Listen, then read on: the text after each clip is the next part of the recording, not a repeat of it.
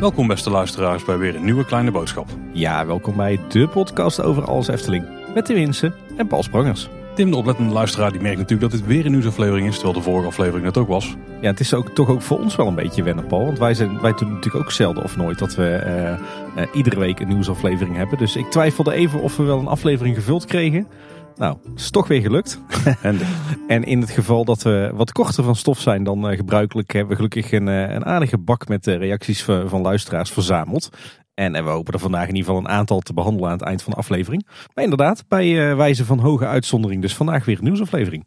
Ja, Tim, en het is niet alleen de aflevering die goed gevuld is, want onze buik inmiddels ook. Oh. Tijdens de voorbereiding net zaten we een cadeautje van een luisteraar op te snoepen. We hebben van luisteraar Nick een hele doos met vrij grote en zware paaseitjes gekregen. Ja, het zijn ook niet zomaar paaseieren. Het zijn volgens mij uh, luxe paaseieren die door een chocolatier gemaakt zijn. Ja, gevuld dan wel. Het smaakt echt enorm goed. Dus luisteraar Nick, dankjewel. Ja, dankjewel Nick. Ik heb net, nou wat zal het zijn? Misschien wel een dozijn naar binnen geschrokt. Dus ik ben tonnetje rond. en nog een laatste ding. Dat vragen we eigenlijk niet heel vaak. Maar de Online Radio Awards komen er aan voor 2022. En dat is een van de grootste podcastprijzen van Nederland. Ondanks dat het online radio genoemd wordt. Beetje ja. vreemd. Maar het zijn eigenlijk drie categorieën waarvan podcaster één is. En uh, de beste host en de beste online radiostation. Wij gaan natuurlijk voor uh, die allereerste categorie, Tim. Dus we zouden het heel erg kunnen waarderen als je ons wil nomineren. Of natuurlijk een van onze andere podcastvrienden. Maar laat die kleine podcasts nou eens een beetje opkomen in die grote verkiezingen. Dat zou tof zijn. Ja, eens een keer geen podcast van NPO of Dag en Nacht genomen in de, in de lijst met nominaties. Dat zou niet verkeerd zijn, nee. Nee, nee, nee. Nee, dus inderdaad, uh, stem op ons voor 6 mei op uh, onlineradioawards.nl. Dat zouden we zeer waarderen. Linkje vind je in de show notes en we zullen het ook vast wel een keer op social media gooien. Tim, de follow-up. Eentje over een aflevering die een tijdje geleden hebben uitgebracht. Ik kan me niet eens meer heugen wanneer precies. Maar die was van Anke en die schreef... Goedenavond heren, vraagje. Jullie hadden ook actiefoto's in de app opgeslagen, toch? Nu had ik een week of twee geleden een foto van Fata Morgana erin gezet. En afgelopen week een van Carnaval Festival. Maar de foto van Fata Morgana is verdwenen. Slaat er alleen de laatste foto's op. Nou, eh, dankzij het mailtje van uh, Anke ging ik ook eens kijken in mijn Efteling app. En alle foto's zijn er bij mij zelfs uit. Ik heb een vermoeden dat die foto's gewoon na een tijdje verdwijnen. En het kan zijn dat ze de tijd die ze in de app blijven staan, dat die is verkort. Sinds dat die feature is uitgekomen. Ik kan me voorstellen dat er misschien wel misbruik van werd gemaakt. Ik weet in ieder geval zeker dat we maar op een gegeven moment er dus uh, foto's van meerdere bezoekjes in stonden. Ja, bij mij ook. Alleen die zijn ook weer allemaal verdwenen. Dus ik, ik, weet, ik heb niet helemaal kunnen schatten of dat het nou zo is dat, het, eh, dat de oudste eerst verdwijnen en daarna de rest. Of dat als je gewoon er heel lang niks mee hebt gedaan, of heel lang een aantal dagen, dat dan die hele functie gewoon zichzelf weer leegt. Maar ze blijven niet eeuwig staan. Dat is wel goed om te weten. Nee, je kunt dus niet een, eh, een gratis albumpje van actiefoto's opbouwen in je Efteling-account. Daar uh, hoopten wij een beetje op, maar dat is niet het geval. Dan uh, moet je de, de digitale fotopas kopen natuurlijk. Alleen die is er jammer genoeg nog niet in de abonnementhoudersversie. Helaas. Dan ook nog wat voor op de vorige nieuwsaflevering. Dat is echt maar een aflevering geleden dit keer Tim. Aflevering 270. En dat ging over de abris daar. En toen vroeg ik jou, wat is dat Tim? Maar we zaten er nog niet helemaal juist op. Want Gertjan Aalpoel, die had daar een stukje feedback op. Want die is buschauffeur. En die heeft ons de goede richting opgestuurd qua wat een abri nou echt is. Ja, want een abri is eigenlijk gewoon uh, een bushalte, even plat gezegd. Dus wat ik dacht dat een abri nou juist uh, zo'n uh, reclamezuil in de, de middenberm van de weg was, dat blijkt niet waar. Want abri is eigenlijk gewoon een, een ander jargonwoordje voor, voor bushalte. Ja, en dan wel specifiek een open bushalte, wat ongeveer iedere bushalte in Nederland is volgens ja, mij. Precies. Maar je hebt nog soms wel eens van die heel erg afgesloten bushokjes. volgens mij in het buitenland gezien ook wel eens. Dus dan is het geen abri. Hij moet echt aan één kant open zijn. Nee, dat alles naar aanleiding van uh, de bushokjes reclame voor, uh, voor Efteling Wonderland. Hè, die we hier uh, nog steeds overal in de regio voorbij zien komen. Ja, zeker. En dan de hoofdonderwerpen, Tim. Ja, dan kunnen we natuurlijk alleen maar stilstaan bij alle werkzaamheden die nog steeds plaatsvinden in het entreegebied. Dus zullen de stand van zaken gaan opmaken. Ja, inderdaad. Want zelfs terwijl het pas een week geleden is dat we voor het laatste nieuwsaflevering hebben gemaakt, is er toch weer het een en ander gebeurd. Ja, allereerst viel mij deze week op dat er borden zijn geplaatst op onder meer de Europalaan en ook het parkeerterrein van de Efteling zelf. Eh, om het bouwverkeer in eh, goede banen te leiden. Eh, zo wordt het bouwverkeer naar het hotel bewegwijzigd. En ook naar de zonnepanelen, zoals het op de borden staat. Dat alles natuurlijk om het, het vele vrachtverkeer naar de diverse bouwplaatsen de juiste kant op te leiden. Het gaat toch altijd, maakt toch altijd mijn hart een vreugdesprongetje als, er, als het bouwverkeer wordt bewegwijzigd. Ja, en nog iets stofs. Eerder hebben we natuurlijk uh, een, een, klein appel gedaan op de Efteling van moet je niet uh, wat, wat beter die werkzaamheden die overal plaatsvinden uh, uitleggen en daar misschien een klein beetje excuses voor aanbieden of om begrip vragen. Nou, de Efteling doet dat nu op, op kleine schaal, want mij viel van de week op op de onderhoudspagina op de Efteling site. Daar kijk je dagelijks op denk ik. Daar kijk ik inderdaad dagelijks op, ja. Serieus? ja, ja, ja. voor, uh, voor ons eigen draaiboek, Paul. Want je moet toch in de gaten houden wanneer welke attractie dicht gaat voor onderhoud. We nemen ook dagelijks op, inderdaad. Dus ja. Ik, maar ik werk wel dagelijks aan het draaiboek, dus dat scheelt. Maar um, daar staat een tekstje op, in hele kleine lettertjes, maar hij viel me toch op. En uh, wat lezen we daar? let op, de Efteling wordt naar verwachting in 2024 uitgebreid met het nieuwe Efteling Grand Hotel en een nieuw themagebied met overdekte attractie. In het park kun je al iets zien van de werkzaamheden, bijvoorbeeld dat er bouwhekken staan. We doen ons uiterste best om je zo weinig mogelijk hinder te laten ondervinden van de werkzaamheden. Je wordt trouwens wel heel tactisch het woord spookslot ontweken. Ja, precies. ja. Nieuw themagebied met overdekte attractie. Nou ja, dat is toch ook wat we krijgen daar. Ja, uiteindelijk wel, ja. Ja, ja mooi tekstje. En uh, zou wat mij betreft in uh, misschien een ander, iets andere vorm op meer plekken in het uh, park of in de foldertjes te lezen mogen zijn. Maar goed, dit is al een beginnetje. Maar als je nu kijkt naar de parkeerpromenade, we hebben daar eigenlijk maar één bouwbord hangen. Ja. Op de schutting. Wel een heel mooi bouwbord, moet ik zeggen. Ja, maar ja, daar hadden we ook wel meer mogen zijn. En misschien ook een paar details. Ja, nou, nou, weet je wat ik denk wat goed is? Ze hebben nu natuurlijk die layout van uh, gemaakt voor dat grote bouwbord, hè, wat uh, aan de parkeerpromenade hangt. Uh, je kan er volgens mij ook makkelijk een wat kleinere variant van maken, die je bijvoorbeeld ook op, op van die zeilen kunt afdrukken, die je op bouwhekken kunt knopen. Nou, ik denk dat het best wel goed zou zijn als je gewoon her en der in het entreegebied waar ook gewerkt wordt op wat bouwhekken ook zo'n zeil hangt in diezelfde layout. Waarin je kort aankondigt wat er gebeurt en misschien toch even je excuses aanbiedt voor, het, voor al het ongemak en al overlast. Ja, je hebt de layout en een paar van die bouwdoeken kosten, nou wat zijn het, een paar honderd euro en het ziet er toch net even wat vrijer uit. Wat ik nu wel bedenk is dat ze waarschijnlijk binnenkort een groot deel van die schutting al gaan verzetten. Want als daar het nieuwe toiletgebouw klaar is en een nieuw facilitair gebouw, kan natuurlijk zijn dat ze een deel van die schutting naar achter gaan plaatsen. Of dat ze daar dus een meer tijdelijke schutting van maken. En dat ze dan op dat moment dat ze doeken gaan ophangen. Zou best wel kunnen, ja. ja. Zou in ieder geval uh, niet verkeerd zijn als we daar wat meer gaan zien. Want ja, daar heb je zeker gelijk ik moet trouwens nog wel even terugkomen op mijn woorden, Paul. Want in de vorige uh, aflevering was ik uitgebreid aan het oreren over uh, het Efteling Grand Hotel. En natuurlijk ook over dat prachtige nieuwe bouwbord. Wat natuurlijk grafisch echt door, om door een ringetje te halen is. Maar ik riep daarin ook heel enthousiast dat het ook helemaal in Jugendstil was. En misschien zelfs wel in de sla-oliestijl. Nou ja, daar is natuurlijk je reinste flauwekul. Je kunt er wel een klein beetje Jugendstil in terugzien in dat grafisch werk. Maar een beetje diezelfde stijl zagen ook al eerder terug hè, bij de bouwborden, bij de Zes Zwanen en bij uh, Baron 1898. En heeft niet per se heel veel met Jugendstil te maken. En zeker niet met uh, de Nederlandse stroming, de sla-oliestijl. Dus ik denk dat ik nog uh, net iets te veel in mijn goede LSD-trip zat. na al het nieuws over het feit dat de Efteling een hotel krijgt in Jugendstil. Met Scandinavische invloeden. Die roze wolk eigenlijk. Ik zat echt uh, gigantisch op de roze, roze wolk. Dus dat was uh, net iets te veel eer voor de, de visual op de bouwborden. Maar desalniettemin uh, heel mooi vormgegeven. En dan het parkeerterrein. Op de lange kant zijn ze natuurlijk bezig met de sprinklerkelder. Als daar de staat van, want die gaat toch een keer onder het straatwerk verdwijnen hoop ik. Jazeker, en vrij snel. Want die sprinklerkelder die stond natuurlijk in een bouwput. Hè, die hebben we ons uitgegraven. die wordt inmiddels rondom aangevuld met zand. Die is eigenlijk bijna op hoogte van het straatwerk. En er wordt ook gewerkt aan het leidingwerk en besturingstechniek van de sprinklerkelder. En uh, volgens mij vorige week uh, is er ook uh, een soort tijdelijke sprinklerinstallatie geplaatst op de korte kant. Ter overbrugging. Dus je moet het zo zien. Hè? Nu wordt het water in de Aquanura vijver gebruikt om de sprinklers in het Efteling Theater en het Huis van de Vijf Zintuigen te voeden. Nou, dat systeem gaat er natuurlijk uit. Sowieso staat de Aquanura vijver nu leeg, dus dat is best wel een dingetje. Uh, maar dat systeem gaat eruit en dat moet dus straks worden omgezet naar die nieuwe sprinklerkelder in het parkeerterrein. En ik denk dat ze om uh, die knip te kunnen maken nu een tijdelijke sprinklerinstallatie hebben neergezet. Want er staat op de korte kant een aantal van die grote containers gevuld met water. Mm. Er staat ook een groot uh, aggregaat bij. En er loopt nu een tijdelijke leiding vanaf het parkeerterrein dwars door de uh, oude kennel, die natuurlijk inmiddels niet meer in oh, gebruik is, richting uh, volgens mij het, het Huis van de Vijf Zintuigen. Want ja, daar voor de kennel zit ook die, die, de huidige sprinklerkelder. Dus uh, ja, dat is een soort best wel indrukwekkende tijdelijke voorziening gemaakt daar. Ik hoop eigenlijk dat die sprinklerkelder dus snel helemaal is afgerond, dat project. Want dat betekent dat de volgende stap weer genomen kan worden.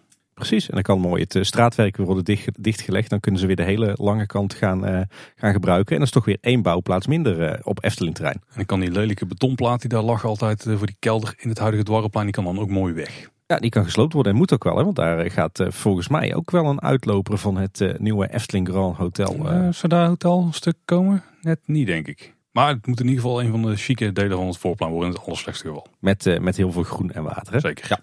En dan niet water onder de grond. In ieder geval niet in kelders. nee.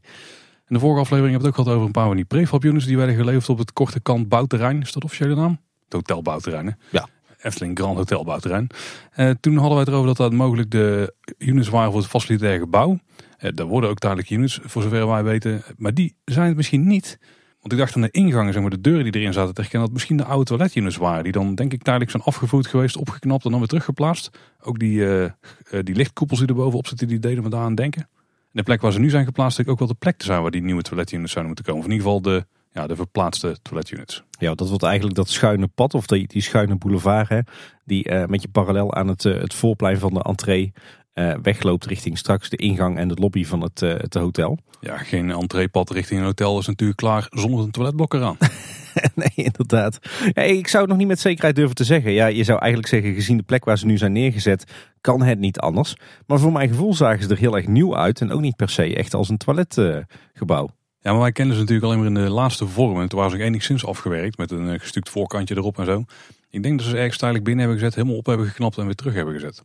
Hm, dat laatste, het feit dat ze zijn opgeknapt, dat uh, zou wel echt goed nieuws zijn. Ja, zeker als dezelfde hergebruiken. ja, maar, maar laten we vooral hopen dat er uh, straks een mooie permanente toiletgroep komt uh, in of onder het hotel. Hè? Ja, zeker. Hey, en dan het Huis van de Vijf Zintuigen, Tim. Daar is het werk aan het riet gereed. De stijger aan de voorzijde die wordt nu ook afgebroken. Ook de bliksemafleiders die zijn weer teruggeplaatst. Dus ja, dit lijkt een afgerond project. Ja, langzaam maar zeker gaan we projectjes in het entreegebied uh, afvinken. Dat is natuurlijk een, een mooie ontwikkeling. Het lijkt er ook op alsof de Efteling erop afkoerst dat ze tegen de zomer zoveel mogelijk bouwwerkzaamheden rondom het bouwterrein van het hotel afgerond willen hebben. Zodat dat allemaal klaar is en ze dan kunnen gaan bouwen aan het hotel. Maar ja, dan is eigenlijk de hele entree, of eigenlijk de hele gastreis, om een heel lelijk woord te gebruiken, is weer redelijk oké tegen de tijd dat het uh, zomer is. Hè? Ja, je loopt dan op de parkeerpromenade natuurlijk langs die bouwschutting. Maar die, daar staan al wat nieuwe gebouwtjes langs en die kan ook wel aantrekkelijker zijn aangekleed. Ja. En dan loop je waarschijnlijk langs een bouwschutting. Je blijft aan de linkerkant in ieder geval heel lang een bouwschutting aan. Want het hele bouwterrein van het hotel ligt daar. Maar ja. kunnen ze dan ook mooie doeken en, en schuttingen neerzetten. Ja. Maar dat komt wel goed. Maar inderdaad, het Huis van de Vijf Zintuigen is mooi opgeknapt. Wel even wennen aan de grote kleurverschillen natuurlijk tussen het, het oude en het nieuwe riet. Maar goed, dat wisten we. Uh, ik zag wel nog een klein scho uh, schoonheidsfoutje eigenlijk. Oeh. Want uh, tussen zeg maar het tweede zintuig en het vierde zintuig, dus zeg maar de, de middelste punt aan de voorkant en ook de middelste punt aan de achterkant, daar ligt een, een mooi rijtje nokvorsten. Hè? Daar hadden we het de vorige keer al over dat die opnieuw werden aangebracht. Alleen dat was in het verleden altijd een hele mooie vloeiende lijn.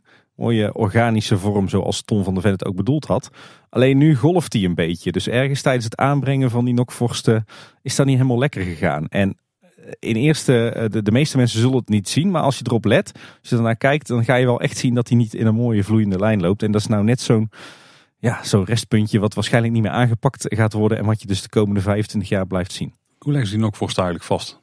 Ja, die leggen ze uh, meestal in de specie. Maar er, dus ligt, er ligt een laag specie op de bovenste rand van het riet dan, zeg maar, waar ze die dingen in opleggen. Ja, ik heb, ik heb proberen te, te, te zien hoe dat ze het doen. Het lijkt er in dit geval bijna op alsof ze die nokvorsten gewoon over het riet heen schuiven en alleen tussen de nokvorsten onderling wat specie aanbrengen. Maar die zijn er eigenlijk nergens op bevestigd dan, want de riet is nou niet echt een plek die zo goed, of een materiaal dat zo goed vasthoudt. Nou, het zou kunnen zijn dat ze die uh, misschien met, uh, met klemmetjes vastschroeven op de onderliggende houtconstructie of zo van het ja, huis. Zoiets, ja. ja. Dan zou je nog goed in vorm moeten brengen als het niet het organische riet zeg maar wat het in vorm houdt. Dat is het hopelijk nog te fixen. Ja, ik, ik, verwacht eerlijk gezegd niet dat ze dat gaan doen. Want dat is natuurlijk alweer een heel project als je dat moet gaan herstellen. Maar dat is wel zonde dat, er, uh, dat daar tijdens de uitvoering niet even met een, uh, een goed timmermans oog naar gekeken is. Vanaf een afstandje ook, ja. Oh. Ik kan me wel voorstellen dat dat van de werk is dat als je er heel dicht op zit, dan zie je het niet. Maar Nee, als je er nee, wel een nee. afstandje naar kijkt, dan, uh, ja, dan zie je het al heel vrij vlot. Maar schoonheidsfoutje, hè. Dit, uh, dit zijn niet uh, de grote ergernissen om het zo maar te zeggen. Nee, maar de Efteling weet dat als ze een keer een werkje hebben en ze het naar de rand laten controleren, dat je altijd beschikbaar bent, hè? Hobbymatig.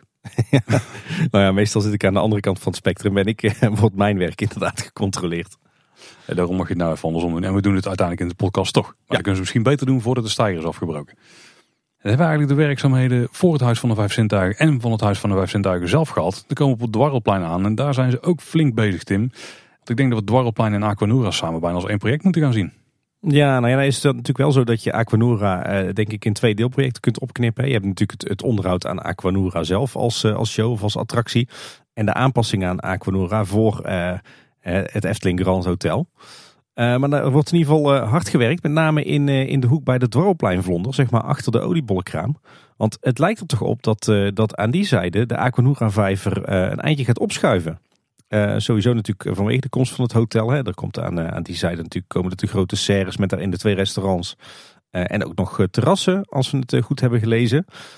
Dus daarom zal de Aquanura vijver daar wat moeten inkrimpen. En wellicht dat daar ook nog een, een wandelroute komt te lopen. Eigenlijk naar de ingang van het park hè, tijdens de bouwwerkzaamheden. Maar dat betekent dat in die hoek de Aquanura vijver helemaal opgebroken is. er was al heel wat verwijderd de vorige keer. Maar inmiddels zijn ook de betonnen poeren van die grote lichtmasten uitgegraven en afgevoerd. En zelfs de, de betonnen keerwanden die de kade vormden van de Aquanura vijver, die zijn in die hoek verwijderd.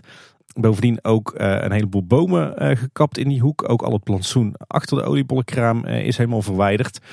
dus ja, dat is echt een, een, ook een kale vlakte geworden. Maar zijn ze aan Aquanura zelf ook echt al dingen aan het doen? Want normaal gesproken als daar onderhoud is, dan zie je er allemaal van die kerels rondlopen met van die lieslaarzen. En die zijn dan alles aan het poetsen en zo. Dat heb ik nog niet gezien. Alle werkzaamheden lijken zich nu vooral nog in die hoek te concentreren. Ja, er gebeuren een paar dingen. Ze zijn overal de, de houten balustrades aan het wegslopen. En dus die zullen vervangen worden door, uh, door, een andere, uh, door een alternatieve versie. ze zijn op een aantal plekken aan het graven en aan het boren voor die, die warmte-koude opslaginstallatie die met, met aquathermie gaat werken. Hè. Die gaat straks ook de Aquanura vijver verwarmen in de winter. en inderdaad de voorbereidende werkzaamheden voor de bouwplaats van het hotel. Maar eh, aan, aan Aquanura zelf heb ik eh, inderdaad nog niet echt veel werkzaamheden gezien. Nee, wat we dus waarschijnlijk gaan zien, in ieder geval wat wij verwachten, is dat we een soort tijdelijke vlonder krijgen die dan eh, de toegang tot het park gaat vormen dadelijk. Ja, ja, of misschien gewoon wel een, weg. Het kan best dat ze daar gewoon een flinke bak zand in storten. Is wel makkelijker. Ook kun je nog dichter bij Aquanura staan. Ja, en ik denk dat er straks eigenlijk maar een heel uh, smal paadje misschien tussen het, het hotel en de Aquanura vijver komt te zitten. Hè? Of, of misschien eigenlijk alleen een terras.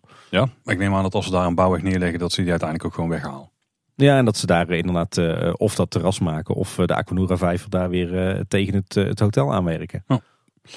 Het hebben we de vorige al over de halve cirkel, die nogmaals eigenlijk een hele cirkel was, maar in ieder geval voor de helft gevuld met gras. Het, het zijn eigenlijk twee halve cirkels met een paadje ja, tussen. En de een had een klein grasveldje en de ander had een wat groter grasveld. In ieder geval een van de meest rustige plekken in de Efteling voorheen. En daarmee ook een populaire opnamelocatie voor ons. Ja, maar die is nu gewoon echt helemaal weg. Ja, ook dat is eigenlijk uh, ja, één groot bouwterrein geworden. Hè? Echt al het groen is daar, uh, daar weggegaan. Nou, op een paar grote bomen. Die zijn allemaal blijven staan. Dat scheelt. En dat is wel weer prijzenswaardig natuurlijk. Maar ze hebben eigenlijk uh, al het groen weggehaald tussen dat grasveldje van ons en het theaterplein. En het viel mij even vandaag wel op dat je echt een zee van ruimte hebt die daar ineens vrijkomt. Als ooit nog een keer, ja, het wordt straks waarschijnlijk een soort doorloop richting het nieuwe entree. Maar als we ooit nog een keer een plek hebben waar ze een soort restaurantpaviljoen willen neerzetten of zo. Die zou er prima eentje kunnen hoor, als we dan toch het uitrijk wel willen uitbreiden. Nou, volgens mij in de originele plannen voor uh, Uitrijk. Althans, er zijn natuurlijk heel veel versies geweest. Maar de, de, de, zeg maar de laatste plannen voor Uitrijk van, nou wat zal het zijn, een jaar of twintig geleden? Van Michel den Dulk nog, ja, denk ik. Ja, ja. ja Michel den Dulk, Sergej Canet en Marieke van Doorn hebben daar volgens mij aan gewerkt. Toen was hier ook een restaurant getekend. Volgens mij zelfs op een schip. Ja, met een uitloper van uh, de Vondelplassen. Wat dan meer een soort uitgebreid water werd met wat grachten die vandaan liepen en zo. Ja. Hele toffe plannen. Ja, dat, dat, past niet makkelijk. Ja, inderdaad. Maar dat gaan we hier niet krijgen natuurlijk. We gaan hier uh, vooral uh, straks straatwerk krijgen, water en groen. Volgens mij komt in deze hoek ook best wel een, nog een groot aandeel water. maar daar is nu nog niet, van, nog niet veel van te zien. Het groen is dus weg en er wordt ook hier wat gegraven aan nieuwe riolering en allerlei kabels en leidingen. Uh, en tot slot uh, is er nu ook nog wat groen weggehaald bij uh, de, de, zeg maar de huidige oude spoorwegovergang. waar je de ingang van het park inloopt. Zeg maar, daar staat een beetje het informatiebord hè, voor je het spoor oversteekt. Daarachter had je ook nog wat groen en dat is inmiddels ook allemaal weggehaald. Dan gaan we het spoor over en dan komen we op de Pardoespromenade. En daar zijn ze natuurlijk ook flink aan het klussen aan eh, de verlegde Pardoespromenade. Nou lijkt het straatwerk daar een heel eind gereed te zijn. En wat we ook kunnen zien is dat die patronen van die grote driehoeken... dat die weer terug zijn gemaakt in het straatwerk. Maar jou viel wat op Tim aan welk type steen is gebruikt. Ja, nou wordt hij heel technisch. uh, want in de, de, de, zeg maar de, de oude Pardoespromenade van 2000... Uh, eh, hebben ze van die, uh, ja, van die grijze trommelkasseien gebruikt. Van die, een beetje van die vierkante blokjes, zeg maar, vierkante tegeltjes. En uh, volgens mij hebben ze nu uh, een soort grijze natuursteen klinkers gebruikt. Die ze volgens mij ook gebruikt hebben voor het, uh, het terras van de Meermin. Een beetje van die hele grove textuur bovenop, zeg maar. Maar inderdaad, het, het, straatwerk is hier een heel eind klaar. En, en niet alleen dat, want ook de wonderwachters zijn inmiddels weer geplaatst en aangesloten. Er zijn bankjes geplaatst in de kenmerkende uh, Padoespromenade stijl. er zijn prullenbakken geplaatst. Overigens niet meer de groene prullenbakken, maar nu de bruine prullenbakken. In het fantasierijk thema, zeg maar. Dus het lijkt er echt op dat, dat dit verlegde stukje van de Padoespromenade over niet al te lange tijd in gebruik gaat genomen worden. Dat moet toch voor de volgende nieuwsaflevering zijn? Ja. ja. Wel opvallend trouwens, misschien even schetsen dus hoe die erbij ligt. Je hebt zeg maar de huidige spoorwegovergang, daar ligt het pad richting de huidige Padoespromenade. De nieuwe die komt daar een stuk verder links van te liggen. En die sluit dan wel aan op hetzelfde pleintje bij Fabula. Alleen hij ligt dus veel dichter tegen het Sprookjesbos aan. En nu waren we al bang van hoe gaan ze dan ooit het Sprookjesbos een beetje onttrekken van de Padoespromenade. Of ook andersom, dat je niet als je in het Sprookjesbos staat continu die mensen ziet langslopen. Dan leek daar een best wel, uh, nou, nog wel een redelijke groenstrook te kunnen liggen. Maar uh, wat hebben ze de afgelopen dagen gedaan? Ze hebben een soort extra uitstulping of zo gemaakt. Aan de linkerkant nog van, het, van de Padoespromenade. Dus nog dichter richting het Sprookjesbos aan. Eigenlijk achter de, de vis van uh, Pinocchio. Waardoor er volgens mij vrouwen geen plek meer is om een groen neer te zetten tussen Pinocchio en de nieuwe Padoespromenade. Nee, ik heb het even bekeken vanaf, vanuit het Sprookjesbos. En dan zie je inderdaad dat zeg maar, tussen het, het uiteinde van de vijver van Pinocchio en zeg maar de, de nieuwe Padoespromenade, of het verlegde deel van de Padoespromenade, daar zit echt nog een strookje van, nou wat zal het zijn, maximaal een meter of zo. Ja, Daar hebben ze laatst één naaldboom tussen geplant. Maar echt heel veel ruimte voor serieus groen heb je daar niet. Dat is toch bijzonder, of niet? Het ziet er ook heel tijdelijk uit, zeg maar. Je hebt gewoon, ja nou, is misschien ook nog een ander ding. Als je namelijk de rechterlijn uh, zeg maar, van de Poederspromenade volgt. Daar zit daar zo'n goot in, zodat het water weg kan lopen, anders dan voorheen. Maar er lijkt ook een flinke slinger in te zitten. Ja, dus het is ja. zo, al een vreemd gevormd geheel hier. Ja, want je hebt inderdaad uh, uh, straks in de definitieve situatie, maar waarschijnlijk nu ook in de tijdelijke situatie, heb je uh, toch weer op het moment dat je het spoor oversteekt aan je rechterhand ook een, een pad lopen. wat natuurlijk straks richting uh, Frabolteskuge en Fata Morgana en Bekkerij Krumel gaat. Daar slingert de nieuwe Paduspromenade. Er zit een beetje een hele gekke, lelijke slinger in het straatwerk. De, ja, toch jammer dat ze niet met een strakke lijn hebben kunnen maken. maar daar tak nu ook al een stukje pad op aan. En ik vermoed dat dit straks ook de tijdelijke looproute het park in gaat zijn. Ik denk als je straks het Warrelplein oploopt, dan loop je natuurlijk op een gegeven moment tegen een, eh, een hoge bouwschutting aan. Hè? Want ja, ongeveer vanaf de helft van het Warrelplein wordt straks het hotel gebouwd. Uh, ik denk dat we dan uh, naar rechts worden geleid, dus richting de Aquanura vijver. Uh, dan in dat hoekje wat ze nu kaal hebben gemaakt, dat we daar een tijdelijk pad hebben en dan op die plek het spoor oversteken. Je ziet nu ook al dat ze al een spoorwegovergang hebben gemaakt daar. Ja, die twee masten of die huidige spoorwegovergang. Ja, ja, ja, die twee masten inderdaad uh, daar. Zeg maar een beetje ter hoogte van de, ja, een beetje de back of the house van Fabula. Dan denk ik dat we daar oversteken en dat we dan, uh, dan links over een nieuw stukje Steenboklaan uh, mogen. En dan zo aantakken op het verlegde deel van de Padoespromenade. Ja, je kunt ook al enigszins zien dat, uh, dat je niet vanaf de andere plekken die nieuwe Padoespromenade gaat benaderen. Want ze hebben daar nu een tijdelijke schutting neergezet. En niet echt hoge. Niet zo'n zo'n 2,5 meter hoog die we zien langs de parkeerpromenade. Maar eentje van, ik denk 1,30 meter of zo. Zoiets. Ja, maximaal, ja. Dus je kunt er ook gewoon overheen kijken. Je scheidt nu het spoor in het Sprookjesbos van eh, de Poederspromenade af. Is ook een manier natuurlijk om het probleem op te lossen. Hè? Dat je daar uh, geen groen ziet achter die vis. Nee, nou, ze hebben in ieder geval uh, qua groen aanplant nog echt wel een uitdaging inderdaad uh, bij Pinocchio. ik ben heel erg benieuwd hoe ze daar een fatsoenlijke groene afscheiding tussen het Sprookjesbos en de Padoespromenade gaan maken. Waarom zou dat gekke hoekje dan bij Pinocchio er zitten? Je komt er straks uit de Steenboklaan en dan loop je dus ja, eigenlijk op het Sprookjesbos af. Het is bijna dat ze hier een soort racetrack of zo hebben gebouwd. Waardoor je een beetje moet kunnen uitdriften. En je komt nog in dat hoekje kunnen gooien om dan zo de Padoespromenade naar rechts te vervolgen. Maar is dit niet uh, gewoon voor de definitieve situatie gemaakt? Is dit niet het door jou zo vurig gewenste pleintje nou. na de spoorwegovergang waar je met je gezelschap even kan wachten of verzamelen? Als dit een pleintje is, dan uh, hoop ik er zo vurig niet meer op. ja, we, we, moeten het allemaal nog gaan zien natuurlijk de komende weken. Tenminste, ik denk dat het een kwestie is voor weken uh, voordat we over de, zeg maar op de nieuwe manier op de Padoespromenade gaan komen. Ja, misschien is de plekje waar ze tijdelijk een horecapuntje of zo neer gaan zetten. Een verrijdbare dat mensen zonend hebben moeten omlopen, dat zal zo moe zijn dat ze aan een versnapering toe zijn? Nou, ik, uh, ik ben benieuwd. Uh, ik trouwens ook wel benieuwd naar ben, is hoe dat ze uh, nu de, de, het nieuwe stukje Padoespromenade gaan afscheiden van het groen en het water. Want ja, voorheen stond er natuurlijk zo'n mooi gemetseld muurtje met daarop ja, zo'n hekwerk in echt die, die Padoespromenade stellen. Met de signatuur van Henny Knoet. maar dat komt niet meer terug. Maar wat er wel terugkomt, ik zie echt maar een heel smal stukje uh, zwarte grond tussen de nieuwe Padoespromenade en uh, die nieuwe waterbak die ze daar hebben gemaakt. Ja, ik heb ook echt geen idee. daar, daar kan niet meer een fatsoenlijk hekwerk komen. Zou er iets van een haagje komen of zo? Ja, misschien zo'n zo'n sprookjesboslaag hekwerk met van die krullen. Of misschien juist zo'n heel ouderwetse, weet je wel, zo'n zo'n 20, 30 centimeter hoge donkerbruine hekje. Die had je vroeger, die heb je van hout op een aantal plekken. Heel Oh, die houten paaltjes, ja. Ja. Die hele, ja, dat heeft voegt niks toe en je struikelt eroverheen en dan knikker je zo het water in. Dus lijkt me ook niet ideaal. Nee, Zeggen nieuwe kinderen die daar fanatiek het park in rennen. ja. Dat is, nog een, dat is misschien nog wel de grootste vraag, Tim. Ja. ja, ik zet mijn geld nu in op een, eh, op een haag. Maar ik ben benieuwd of dat hij het eh, gaat houden met eh, al die kinderen die naar de vijver willen kijken of er nog vissen in zitten en zo. Ik twijfel eraan. Ik zou ook niet weten wat het alternatief is. Dus ja, ik denk inderdaad dat ze echt alles op alles zetten om eh, over een paar weken het, het allemaal redelijk toonbaar te hebben. In zoverre dat, eh, dat straks de eindsituatie natuurlijk is dat, eh, dat je een enorme bouwplaats hebt voor het Efteling Grand Hotel. Die gewoon netjes is afgezet met, met bouwschutting. Met erop hopelijk wat mooie visuals. Maar dat verder eigenlijk de hele wandeling vanaf het parkeerterrein het park in. Dat dat over een nette semi-permanente route gaat. Ik denk dat ze, dat ze echt hun best doen om voor de zomer eh, zoveel mogelijk van dat soort eh, deelprojectjes allemaal af te hebben. Ik bedenk me net, als je toch op plek 3 staat en je wil naar de Pardoespromenade. Nou, dan kunnen we wel een lunch meenemen hoor, op de onderweg. Dan heb je de avond vierdaagse al, eh, al gelopen, Ja. ja. Dat is een lopen dadelijk. Zo. nou, oké. Laten we hopen dat we daar niet al te vaak terechtkomen. Laten we ook hopen, nou, aan de ene kant dat we hem heel vaak kunnen gebruiken. Dat er zo min mogelijk mensen daar last van gaan krijgen. Het is een eh, flinke wandeling, ja. Over afronden gesproken. Ik zag nou trouwens ook dat ze die, eh, die nieuwe gemetselde kolommetjes van die nieuwe poort aan de Pardoespromenade, waarmee je het, eh, het Sprookjesbos binnengaat bij Langnek, dat die inmiddels in de hekken staan. Die zijn volgens mij geschilderd van de week en die zullen nog worden ingeschaduwd. En dat is dan ook zo'n zo'n deelprojectje wat is afgerond, hè? Tim, dan eh, 70 jaar Efteling. Al uitgebreid over gehad in de vorige aflevering. We hebben toen nog een paar kleine nieuwtjes erover. Eh, Efteling Wonderland, dan mocht je het zelf nou nog niet hebben gezien. Dan heeft de Efteling zelf een enorm toffe sfeerimpressie online gezet op YouTube. Linkje vind je in de show notes. Zag er erg strak uit. Ja, mooie videoproductie weer. En ik heb zelf trouwens inmiddels ook het showtje gezien. En? Ja, ik stond ondertussen ook met Robert Jaap te praten, want die was toevallig ook weer aan het observeren. dus ik heb het eh, half meegekregen, maar het zag er eigenlijk wel tof uit. Ja.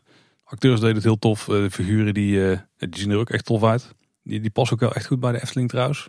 Ik had ze niet in real life gezien, maar ja, ja ik eh, zie het ook wel zitten ooit. Ja. Als ze daar meer mee willen doen. Ja, zeker de Maartse haas. Dat is natuurlijk echt zo'n eh, een beetje zo'n sprookjesboom-show-achtig figuur. Hè? Dat is ook zo'n eh, zo'n handpop. Ja, maar heeft natuurlijk in dit geval wel benen en zo. Het gaat allemaal weer net een stapje verder. Het is net wel wat fijner dan wat er in de Sprookjesboomshow gebeurt. Ja, ik vind het wel een toffe manier van een figuur overbrengen, zeg maar. Ja, zeker. Hey, was trouwens wel de, de afgelopen weken af en toe wat opheffen, omdat eigenlijk niemand wist wanneer er nou een showtje was eh, in Efteling Wonderland. Eh, het is heel lang zo geweest dat als je aan de medewerkers ter plaatse vroeg van wanneer komt er weer een show, dat ze het zelf eh, eigenlijk ook niet wisten. Maar van de week was er eindelijk duidelijkheid over die showtijden. En in eerste instantie via de webcare, maar inmiddels staat het ook allemaal netjes in de Efteling app. Volgde overigens vrij snel op een artikel op Loopings daarover, dus dat zal er vast een rol in hebben gehad. Eh, maar er zijn inmiddels vaste showtijden bij Efteling Wonderland. Het is zo dat je tussen half één en kwart voor twee en tussen kwart over vier en half zes een eh, ontmoet- en begroetmoment hebt, zoals de Efteling het zelf noemt. Maar dan lopen eigenlijk eh, of de Maartse haas of de gekke hoedemaker of allebei lopen een beetje rond over het terrein en eh, gaat interactie aan met, met alle bezoekers. Ik heb dat zelf ook een, inmiddels een paar keer mee mogen maken. Maar er zijn ook een aantal echte showtjes die volgens mij iedere keer net wat anders zijn. Om kwart voor twee, kwart over twee, kwart voor drie, kwart over drie en vier uur. Dus echt een beetje ja, rond de middag. En wil je nou exact weten op de dag dat jij er bent wanneer die showtjes zijn? Ze staan ook in de Efteling app. Hey, en dan zijn er nog wat, eh, wat, eh, wat kleine ontwikkelingen eh, en wat kleine nieuwtjes over Efteling Wonderland. Wat ik bijvoorbeeld heb gezien is dat de gekke hoedemaker ook in zijn of haar eentje een act kan doen zonder de Maartse haas. Oké. Dat is ook weer een apart showtje met dus maar één acteur. Ik heb het op een maandagmiddag gezien. En dan denk je, het is misschien niet het meest drukke moment in de Efteling. Maar toen waren ze er ook allebei. Er is nog steeds niet altijd een pijl op te trekken, denk ik. Nee, maar Nee. Dat, is, dat is ook een beetje hadden we begrepen. Hey, iets, eh, iets anders opvallends. Ehm, er staan eh, natuurlijk aardig wat leuke foto-opportunities in Efteling Wonderland. Hè? Want het moet allemaal eh, Instagrammable zijn, zoals het dan tegenwoordig zo mooi heet. Alleen wat is nou het gekke? Een aantal van die elementen hebben ze inmiddels achter eh, hekjes gezet. Bijvoorbeeld eh, die twee enorme eh, bramen die je eh, op het eh, terrein vond. Toen best een leuk foto-elementje was. Die staan inmiddels al achter het hek in plaats van eh, voor het hek. Dus daar kan je niet meer mee op de foto. Dat is wel jammer. Had jij die foto al gemaakt, Tim? Of... Nee, net niet. Ah, Jammer, balen. balen. Dus nu eh, tillen we de kinderen dan maar gewoon over het hek of is dat niet het werkt? Op technisch zeer verantwoord, ja. ja. Hey, de toiletten die zijn inmiddels voorzien van een semi-permanente signing. Die zijn dus niet zo heel tijdelijk meer. Die lijken er wel een lange tijd te blijven staan. Ik moet in ieder geval tot het Efteling Wonderland wordt opgeruimd. Of misschien zelfs wat er nog achteraan komt. Ja. Die staan er al bijna twee jaar, denk ik. Ja, inderdaad. Vanwege, in eerste instantie vanwege corona, maar dan natuurlijk vanwege de warme winterweide en nu Efteling Wonderland. Wordt het niet eens tijd voor een uh, permanente bouwkundige toiletgroep uh, daar in die hoek? Nou, niet die hoek, denk ik. Dat zou ik dan niet de beste hoek vinden.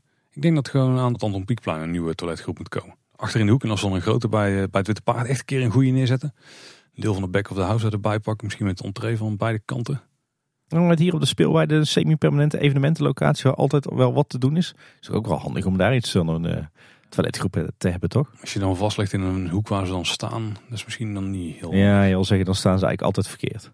Ja, ze staan waarschijnlijk één keer goed en daarna altijd verkeerd, ja. Ja, ja. daar zit wat in. Ja, tenzij ze jouw uh, grootste plan een keer uitvoeren, Tim, met uh, de Piekse gevelrijtjes met een half vervallen fabriek, waardoor je al een stalen frame hebt voor een semi-permanent tentdoek. Ja, dat is ook wel een beetje Blue Sky mensen. dat zal, zal een aardig duur project zijn. Ja. Hey, wat horeca nieuws daar. Uh, op zich wel jammer. De, de high tea die kreeg je in eerste instantie natuurlijk echt op een etagère met uh, van die blondborden. Uh, alleen we hebben vernomen dat je inmiddels ja, de onderdelen van je high tea in een papieren zak gefrommeld krijgt. Nou, het is niet echt een papieren zak. Het is een soort, een soort kartonnen ding wat je kunt openvouwen en daar liggen ze in. Het is me nou niet helemaal duidelijk alleen of dat je dit altijd krijgt of dat je erom kunt vragen. Het kan zijn dat het, dat het de meenemen variant is. Ik weet wel dat toen wij daar dus die high tea gingen pakken en zo'n etagère mee kregen, dat ons toch wel echt sterk op het hart werd gedrukt dat we weer terug moesten inleveren. Dus het kan zijn dat dat misschien niet altijd gebeurde en dat ze daarom denken van, ja, we gaan het anders aanpakken. Dus uh, we can't have nice things uh, vanwege andere mensen. Ja, of dit, dit is vooral de oplossing voor de drukkere momenten. Ik kan me voorstellen dat je op rustige dagen wel met zo'n etagère met echte borden werkt, maar dat dat niet heel handig is als het heel druk is op de speelwaarde. Zou ook zomaar kunnen, ja. Hey, en op zich wel leuk ook het, het feesttaartje, wat wat mij betreft een, een heel leuk product is. kan je nu niet alleen verkrijgen in Efteling Wonderland, maar ook bij de oliebollenkraam op het Dwarrelplein. Ik heb het gebakje inmiddels ook geproefd, Tim. En ik denk dat dit toch wel de horeca highlight is van Efteling Wonderland. Ja, ja toch wel hè? Ik denk dat het wel mijn favoriet is. Hoewel ja. die high tea is ook goed, maar dat is uiteindelijk gewoon, ja, er zijn allemaal standaard producten die ze bij elkaar hebben gekieperd tegen een aardige prijs. Maar dit gebakje is denk ik wel het beste wat ze hebben. Want de bubble tea heb ik inmiddels ook geproefd. En? Ja, ik weet niet.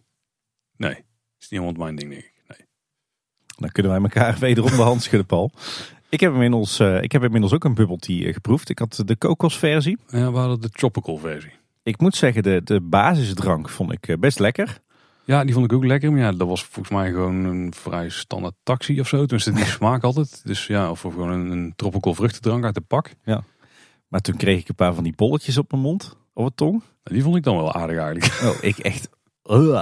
ik, ik, het, dat mondgevoel van die bolletjes die dan kapot klappen op je tong. Het voelde voor mij net alsof ik met, uh, met vijf nagels over een schoolbord kraste.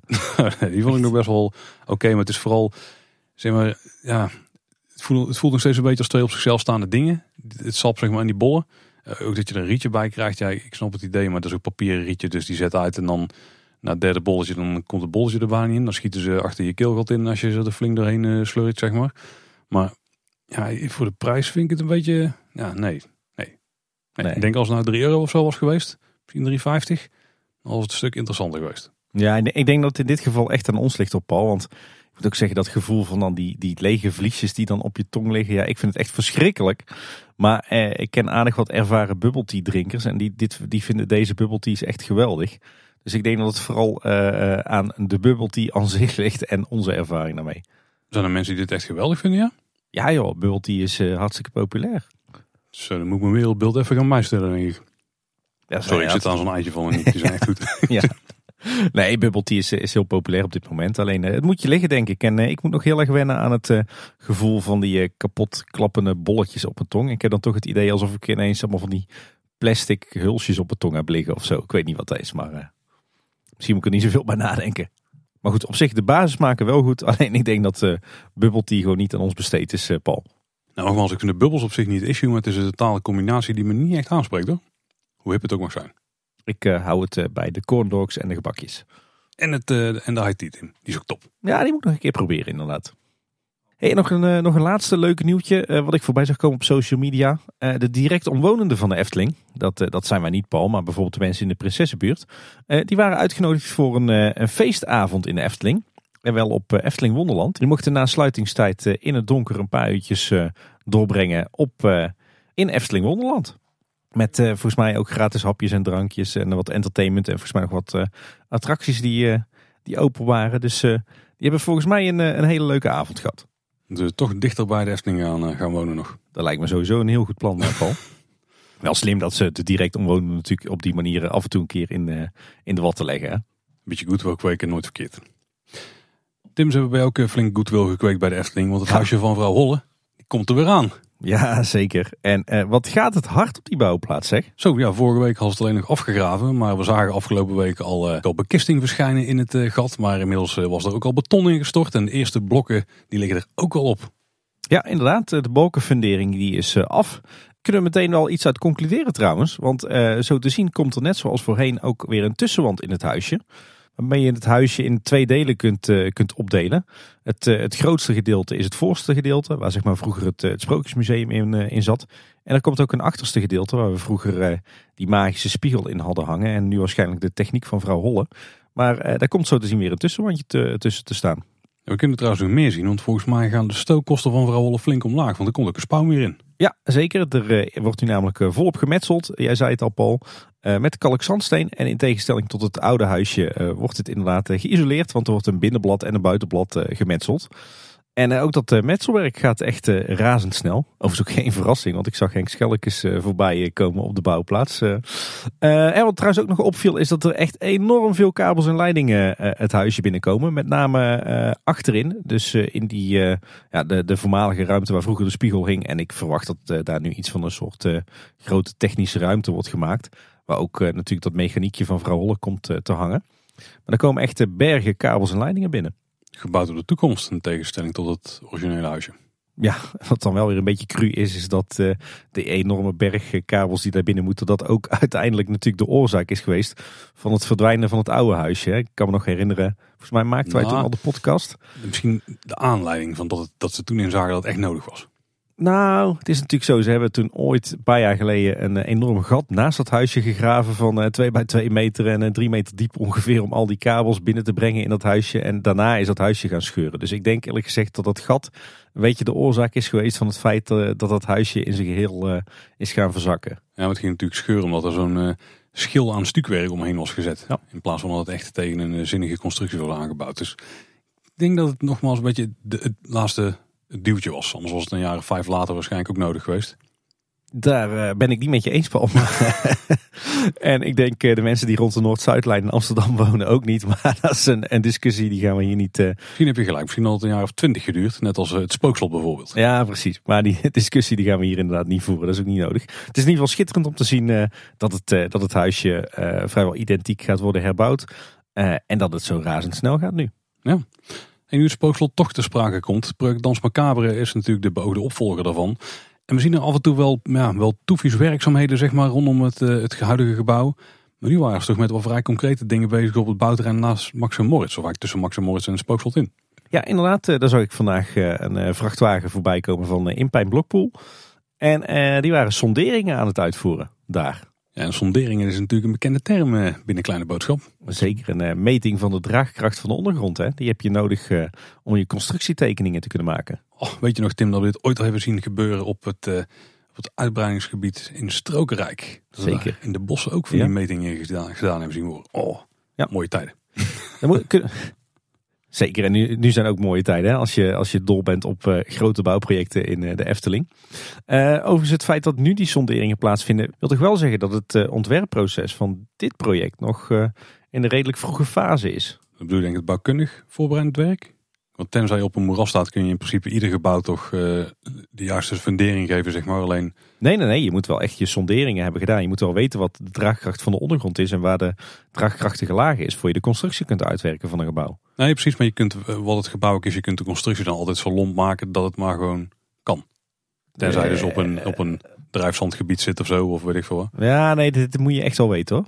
Nee, je moet het ook weten. Ik zeg niet dat ze het niet moeten weten. Maar ik zeg als ze bedenken van daar komt het te liggen. Zeg maar de algemene indeling van het gebouw zal niet heel erg groot gaan afwijken. Als Nee, je- nee, nee, nee, dit zegt inderdaad niks over de indeling van het gebouw. Dat, dat, dat inderdaad zeker niet. Het geeft wel aan dat ze nog eh, eh, behoorlijk wat, eh, wat ontwerpwerk en voorbereidend werk moeten doen voordat ze überhaupt hier kunnen gaan bouwen. Ja, dat de bouwkundige tekeningen dus nog zeker niet definitief zijn. Nee, en dat het ook nog wel even zal duren voordat de vergunningsaanvraag de deur uitgaat. Maar ze gaan wel slopen al. Oeh, dat wordt ook weer zo'n project wat eh, nog niet tot in de puntjes is uitgewerkt. Waarschijnlijk voordat het eh, sloopwerk gaat beginnen. Ja, ja en dat ook hier net als bij eh, Efteling Grand Hotel ook weer een hoop dingen, een hoop fases en deelprojecten door elkaar heen lopen inderdaad. Hmm. Overigens hebben we het in de voorgaande aflevering ook al geregeld gehad over de discussie. moet het spookslot nou een monument worden of niet? Gelukkig zijn wij, hebben wij daar allebei dezelfde mening en zijn we het daar ook eens met de Efteling. Namelijk dat dat voor het spookslot in ieder geval niet op zijn plaats zou zijn. Eh, maar eh, de saga continues, zoals ze in Ah. goed Nederlands zeggen. Want eh, van de week stond er weer een, eh, een uitgebreide ingezonden brief in het Brabants Dagblad. Deze keer van een kunsthistoricus. En en zijn betoog was dat het spookslot behouden moet blijven en een monument moet worden. Omdat het een prachtig voorbeeld is van de eeuwenoude traditie in Europa van imitatie, ruïnes en follies. Ja. Ik snap eerlijk gezegd wel een beetje waar zijn redenering eh, vandaan komt. Maar het, de brief hing wel weer van kromme zaken en verkeerde aannames aan elkaar. Ik zag er wel voorbeelden aangehaald worden uit Artis bijvoorbeeld. Ja. Maar Hoe oud waren die ruïnes voordat ze... Maar hoe lang stonden die er al voordat ze de status gemeente monument krijgen? Ja, wat was dat? Ergens tussen 1850 en 1900 of zo? We hebben het toch wel over... Ja, maar toen kregen ze die status of toen zijn ze gebouwd. Ja, toen zijn ze gebouwd. Ja, Als die status, eh, dat is al wel een jaar of... eh, Nou ja, voorheen moest, moest sowieso eh, een, een gebouw minimaal 100 jaar oud zijn voordat het monument kon worden. kunnen nagaan. Dus dit zijn ook echt monumentale gebouwen in tegenstelling tot... eh, ook al waren het dan imitatieruïnes. In tegenstelling tot natuurlijk het spookslot wat van kippengaas aan elkaar hangt. Ja. Nou ja, goed. eh, De de redenering van die kunst- kunsthistoricus eh, was net even wat anders. Het ging juist vooral om die traditie van eh, imitatiegebouwen. Hè, de, ruïnes imiteren. En het feit dat het spookslot daar een modern voorbeeld van is. Maar ja, die vlieger gaat wat mij betreft niet echt op. Mocht je nou meer interesse hebben in de redenering van die meneer. Dan zullen we een linkje in de show notes plaatsen naar een Twitterberichtje van ons. Waar je het, de ingezonden brief kunt teruglezen. Ik heb bijna zin erin dat ze daar de sloopcode aan gaan gooien. Dan gaan we gewoon af van al die ellende. Je wordt het wel beu hè, langzaam maar Ja, zeker. daar gaan we wel. Ja. Hey, wat ik wel interessant vind, daar zijn de carports met de zonnepanelen die eh, op eh, P2 worden geplaatst. Heel goed, Paul. Vak M mogen we het niet meer, eh, mogen we het niet meer noemen officieel. Ja. Alhoewel, ik zag in een blogbericht van de Efteling juist wel weer vak M voorbij komen. Ja, dat klopt natuurlijk wel, want P2 is groter dan alleen vak M. Het is niet dat heel P2 met zonnepanelen wordt voorgelegd. Nou, in ieder geval, wij weten natuurlijk allemaal waar die werkzaamheden plaatsvinden. En dat is verduurzaming en daar hou ik van. Nou zijn ze er echt al een heel eind mee. Er zijn wel grote stappen gezet sinds de laatste keer dat we het hebben besproken. Die staalconstructies die staan er bijna helemaal. Eh, je ziet alleen nog dat de, aller, eh, de meest ja, zuidelijk gelegen rijen, zeg maar, die ze waarschijnlijk het laatst gaan bekleden met de zonnepanelen, die zijn nog niet helemaal klaar. Eh er moet op de kopse kanten moeten die, ja, ik wou zeggen de horizontale liggers, maar ze zijn niet horizontaal natuurlijk. De hoek is iets gunstiger voor zonnepanelen. Maar die moeten daar nog aangebracht worden. En dan moeten ze ook nog de verbindende constructie maken waar al die panelen op komen te liggen. Maar je ziet wel dat het grootste deel van het terrein al gewoon klaar is qua basisstaalconstructie. Dat vroeg ik me trouwens wel af, want jij bent er langs gelopen, zeg je Paul. Is het nou zo dat, dat heel vak M vol staat met die constructies? Of zijn er eh, helemaal aan de zuidkant nog een aantal rijen waar die dingen niet komen? Volgens mij alleen de allerlaatste rij niet. Nou sterker nog, nou nee, ik denk dat hij daar ook overheen staat. Volgens mij is alles gewoon dadelijk eh, met zonnepanelen overdekt. Nou, kijk, dat is mooi. Hoe meer, hoe beter. Nou, wat we inderdaad kunnen bevestigen is dat de, op de kopse kanten dat de, de staners en de, de dwarsliggers daar dat die dus donkergroen zijn. Ja, volgens mij alleen aan de kant van eh, de Efteling, toch? Nou, volgens mij beide kanten. Ook aan de kant van de Dodenauweg? Oh, daar heb ik eigenlijk niet op gelet. Dat was een aanname. Volgens mij ook. Nou, dat, dat, dat zal ik dan de volgende keer als ik mijn rondje doe, is goed in de gaten gaan houden. Huiswerkopdracht. Inderdaad. Ehm, en ja, die, die groene kleur is eigenlijk een beetje die vuilnisbakkleur, hè? Die de Efteling eh, wel op meer eh, metaalobjecten smeert. Bosgroen, volgens mij heet die officieel. Ik neem het zo van je aan. En nu we dus zien hoe die constructies eruit gaan zien, ja, ze zijn wel vrij sober. Ze zijn gewoon heel utilitair. Waarschijnlijk de standaard materialen. We hebben ook al op een paar andere plekken waar ze van die grote zonneparken hebben gebouwd, gewoon dezelfde constructies gezien. Dus het lijkt een standaard product te zijn. Ja, volgens mij eh, zag ik het eh, letterlijk dezelfde constructie voorbij komen bij het uh, Aviodroom. Ja, ja, je hebt er foto's van uh, gedeeld en die waren inderdaad echt exact hetzelfde. Ja. Dus ja, ze zijn niet heel bijzonder of zo. Nee, nee, nee. Wat dat betreft moet ik dan zeggen dat ik de constructie bij Paradise een stuk mooier vind. Hè, met echt dat, uh, die grove boomstammen. Ja, de, nou, mooier weet ik niet. Het voelt ook wel rommeliger daar. Maar het voelt wel iets meer themaparkachtig, ja. Ja, ik moet zeggen dat ze bij Disneyland Parijs misschien nog wel het, eh, het lekkerste bezig zijn wat dat betreft. Ik zag wat foto's voorbij komen van de werkzaamheden daar. En daar is de staalconstructie echt volledig op kleuren. Een beetje, ja wat is het, een beetje lichtblauwe kleur. Ja, een beetje die pasteltinten die Disney wel vaak gebruikt. Ja. Turquoise er ook in volgens mij. Ja, precies. En eh, de, de plekken zeg maar, waar ze de verschillende onderdelen van de staalconstructie aan elkaar hebben gebouwd. Daar hebben ze ook weer een mooie decoratieve ring omheen gemaakt. En ik geloof dat ze ook een soort ja, ovale schildjes eh, op die constructie plakken. eh, met de verschillende Disney figuren erop. Misschien is dat ook een manier om aan te duiden in welke rij je staat. Dus Daar ging ik vanuit, ja. ja. daar, daar thematiseren ze die constructie wel erg mooi. In de Efteling is het wat dat betreft een stuk eh rudimentair. Er Dus is één reden waarom ik ze dat kan vergeven. En dat is omdat we weten dat dit dus een constructie is die verplaatst kan worden. Of in ieder geval dat de panelen verplaatst kunnen gaan worden. En ik hoop, ik hoop heel erg dat als we dat ooit gaan doen naar de definitieve locatie. Dat we dan ook een, eh, een meer chique variant hiervan krijgen. Ja, en ik denk dat we ook reëel moeten zijn. Hè? Want het, eh, ze hadden dit wel heel vrij kunnen thematiseren. Maar dan wordt het toch een beetje een vlag op een modderschuit. Want verder is eh, vak M natuurlijk heel veel asfalt en puin. Ja, ja, ja. Dus ja, dat, wat dat betreft past daar zo'n eh, basic staalconstructie ook wel bij. Nou, zonnepanelen en bomen zijn natuurlijk niet echt vrienden. Dus dat het heel groen wordt, hadden we al niet echt kunnen verwachten. Nee, nee, nee, nee. Laten we hopen dat eh, in, in de toekomst dat eh, de, de nieuwe parkeerterreinen van de Efteling een mooie mix worden van zonnepanelen, water en groen. Hey, en er wordt ook hier nog steeds volop gegraven. Er lagen natuurlijk al kabels in de grond richting de zonnepanelen op de lange kant. In eh, de, de vak waar de elektrische auto's ook staan. Inmiddels hebben ze het graafwerk doorgezet eh, via vak J, zeg maar het, eh, een beetje het groene gebiedje bij de plantenkas. Onder de Kinkerpolder door. Die hebben ze daarvoor helemaal opengebroken. Daar is ook een sleuf doorheen gegaan. Die is inmiddels weer, weer dichtgeblokt met klinkertjes. En inmiddels is de firma Baas druk bezig met het, het leggen van de kabels. Eigenlijk langs vak K. Je hebt daar zo'n aparte looproute voor voetgangers in de asfalt. Nou, die is er voor de helft uitgetrokken. En eh, daar komen al die, eh, die elektriciteitskabels te liggen. En dat loopt zo richting, eh, richting vak M. En daar zijn ze nu druk mee bezig. Want ja, op die manier kunnen ze natuurlijk straks alle zonnepanelen aansluiten op het, de middenspanningsringleiding van de Efteling. Dan zijn die stalen constructies natuurlijk allemaal leuk. Maar het gaat uiteindelijk om die zonnepanelen die erop komen te liggen. En er is een feestelijk moment geweest, helemaal vrijdag 8 april. Want toen is het eerste zonnepaneel geplaatst. Ja, inderdaad. In aanwezigheid van natuurlijk Fons Jurgens, de algemene directeur. En Roodkapje, die was er ook weer bij. Die is ook super duurzaam, hè? Die is eh, er altijd bij. En ook eh, de directie van eh, Hoppenbrouwers Techniek. Het, ja, de installateur die al sinds de jaren 90 huisaannemer is van de Efteling. En die ook dit werk maakt. En ja, dat was een klein feestje. Hè? We hebben dit moeten vernemen vanuit de krant en het Efteling blog. Die hebben beide daar aandacht aan geschonken.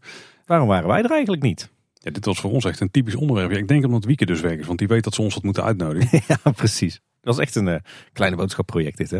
Nou, we hadden er graag verslag van gedaan, ook al was het iets eh, heel kleins voor de Efteling. Tenminste, het is iets, een klein begin van iets heel groots. Zeker, zeker. Dat zeg je mooi. Eh, want er gaan dus uiteindelijk 12.000 zonnepanelen worden gelegd op die, eh, die carportconstructies. En met die 12.000 zonnepanelen wekt de Efteling straks eh 20% van het eigen elektriciteitsverbruik op. Eh, dat gaat om 4,3 miljoen kilowattuur. Wat vergelijkbaar is met het verbruik van ongeveer 1750 huishoudens. Eh, en het oppervlak van al die zonnepanelen bij elkaar is trouwens 23.000 vierkante meter. Zo, dat, is, eh, dat zijn grote getallen. Flinke slok op een borrel. Zeker, maar dit is 20% van het eigen elektriciteitsverbruik. Hou dat in het achterhoofd. Na de zomer moet al het werk in ieder geval klaar zijn. Maar vak M gaat wel eerder al open. De zonnepanelen worden dus eerst allemaal gelegd en dan moet het aangesloten worden. Maar het aansluiten kan nog wel langer op zich laten duren. Maar dat betekent niet dat vak M niet alvast voor parkeren gebruikt kan worden. Nou ben ik benieuwd. Ik heb dus gezien dat inmiddels al de eerste rij volledig gelegd is. Zouden ze dit gefaseerd open gaan doen? Want ik denk dat de Efteling veel aangelegen is om die rij zo snel mogelijk open te gooien. Ook al is het stuk voor stuk, zodat ze zo min mogelijk gebruik hoeven te maken van eh, het overloopparkeerterrein van P3. Ja, nou volgens mij kan het wel. En dan moet je natuurlijk wel zorgen dat je in die betreffende rij ook echt helemaal klaar bent. Ja, nee, zeker, zeker. Maar dat zou op zich kunnen, want het bouwterrein eh, beweegt ze dan gewoon naar achter. Nou. En zodra de panelen er liggen, dan, eh, ja, dan kan er weer een rij open. Ja, en je moet natuurlijk wel al die, eh, die zonnepanelen aan elkaar knopen en met stekkertjes. Ja, nee, maar daar hebben ze dan al gedaan, ga ik even vanuit. nou, ik zei net al, hou die 20% in het achterhoofd. Want de Efteling die heeft ook aangegeven dat ze in 2030 energie-neutraal willen zijn. Dat betekent dus dat ze alle benodigde energie zelf gaan opwekken. En nu hebben ze een gigantisch zonnepark aangelegd. Die voorziet voor 20% in de energie. Er moeten nog vier keer dit bij. Dat is de ene kant van het verhaal. Aan de andere kant van het verhaal, eh, het gaat over energie-neutraal. Dus het gaat over elektriciteit en gas. Nou, van het gas vullen ze grotendeels af. Alleen voor Ja. special effects, denk ik. Dan gaan ze denk ik opvangen bij de toilet of zo. Wat ze dan daarvoor gaan gebruiken. Is dat niet kleine boodschap, maar grote boodschap, hè, Paul? Oh ja, dan kan dat zeker. Maar ik denk dat dat een grote rol gaat spelen. hè. Dat ze straks geen, eh, geen gas meer verbruiken. Met name dankzij warmte-koude opslag overal. Eh, misschien gaan ze ook wat doen aan eh, besparende maatregelen. En ja, wellicht gaan we in de toekomst toch nog meer zonnepanelen terugzien. Dat zal wel moeten, ja. Nou, de Efteling geeft in ieder geval aan, het is ambitieus, maar het is praktisch zeker haalbaar. Nou, dat vind ik eh, spannend. Ik ben heel erg benieuwd hoe dat ze dat dan gaan doen. Ik vind dat een mooi doel. En ik vind acht jaar ook al heel snel. Overigens even voor de duidelijkheid. De Efteling zegt we willen in 2030 energie-neutraal zijn. Dat is dan weer net wat anders dan de klimaatneutraal of CO2-neutraal. Eh, en wat natuurlijk ook heel vaak horen de laatste tijd dat een hot issue is voor de Efteling is de stikstofuitstoot. Maar dat is weer een heel ander verhaal. En dat staat er helemaal, eh, helemaal los van. Energie-neutraal betekent dus gewoon dat je de energie die je verbruikt zelf opwekt. Maar zou dat betekenen dat ze ook ergens een keer op eigen terrein eh windmolens of zo gaan zetten? Wie weet. Ik, ik kan me niet voorstellen dat ze, zeg maar als je het nog met zonnepanelen wil doen.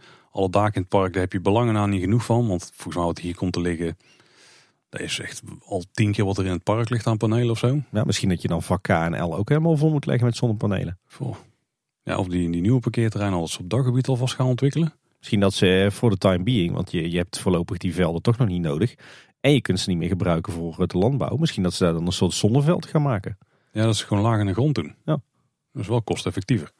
Interessant. Nou, dat- ik ben heel benieuwd hoe ze dat gaan doen. Dat is in ieder geval iets wat je de komende acht jaar eh, sowieso bij Kleine Boodschap kunt gaan volgen. Omdat we beide ook wel, wel interesse in hebben. Mits wij eh, tot 2030 doorgaan. Ja, dat moet toch wel lukken.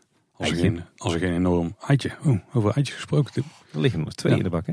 Oeh, die zijn eigenlijk voor jou had ik bedacht. Want?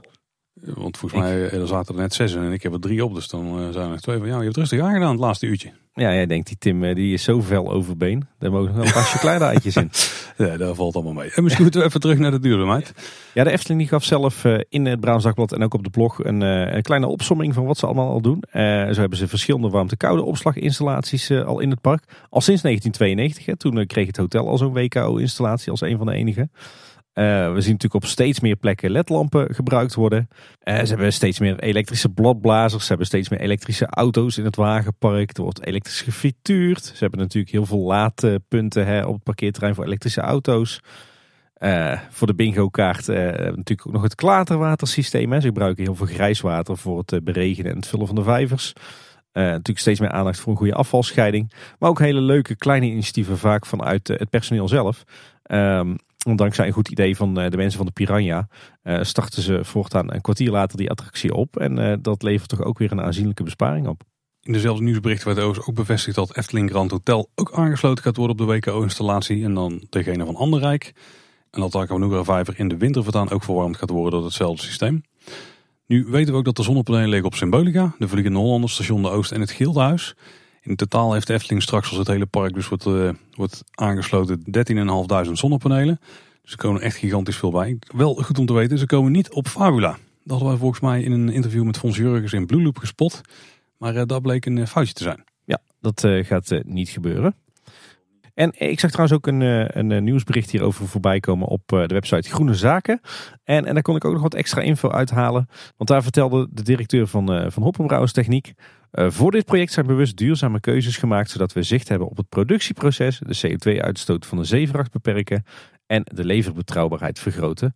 Er is daarom door de Efteling bewust gekozen voor Europese zonnepanelen. Oh. Kijk, dat is ook weer een mooie, Ja. mooie bijkomstigheid. En net een stapje verder nadenken erover. Ja, zeker.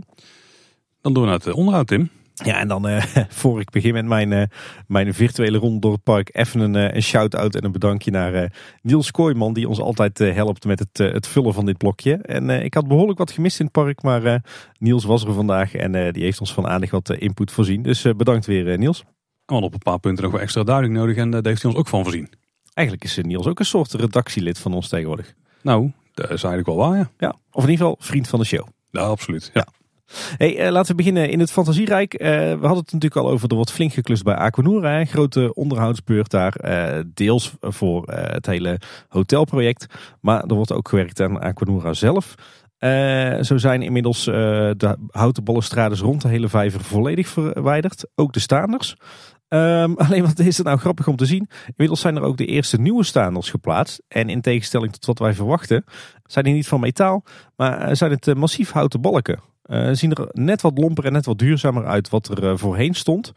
Uh, ja, de vraag is dus even, wat komt er tussen? Komen er toch weer houten hekwerken tussen? Of, wat wij verwachten, komen er juist de stalen hekwerken tussen? Want dat zou natuurlijk ook nog kunnen. En dat zou ook mooi aansluiten op de stijl van Efteling Grand Hotel. En nog een ander klein puntje in het fantasierijk.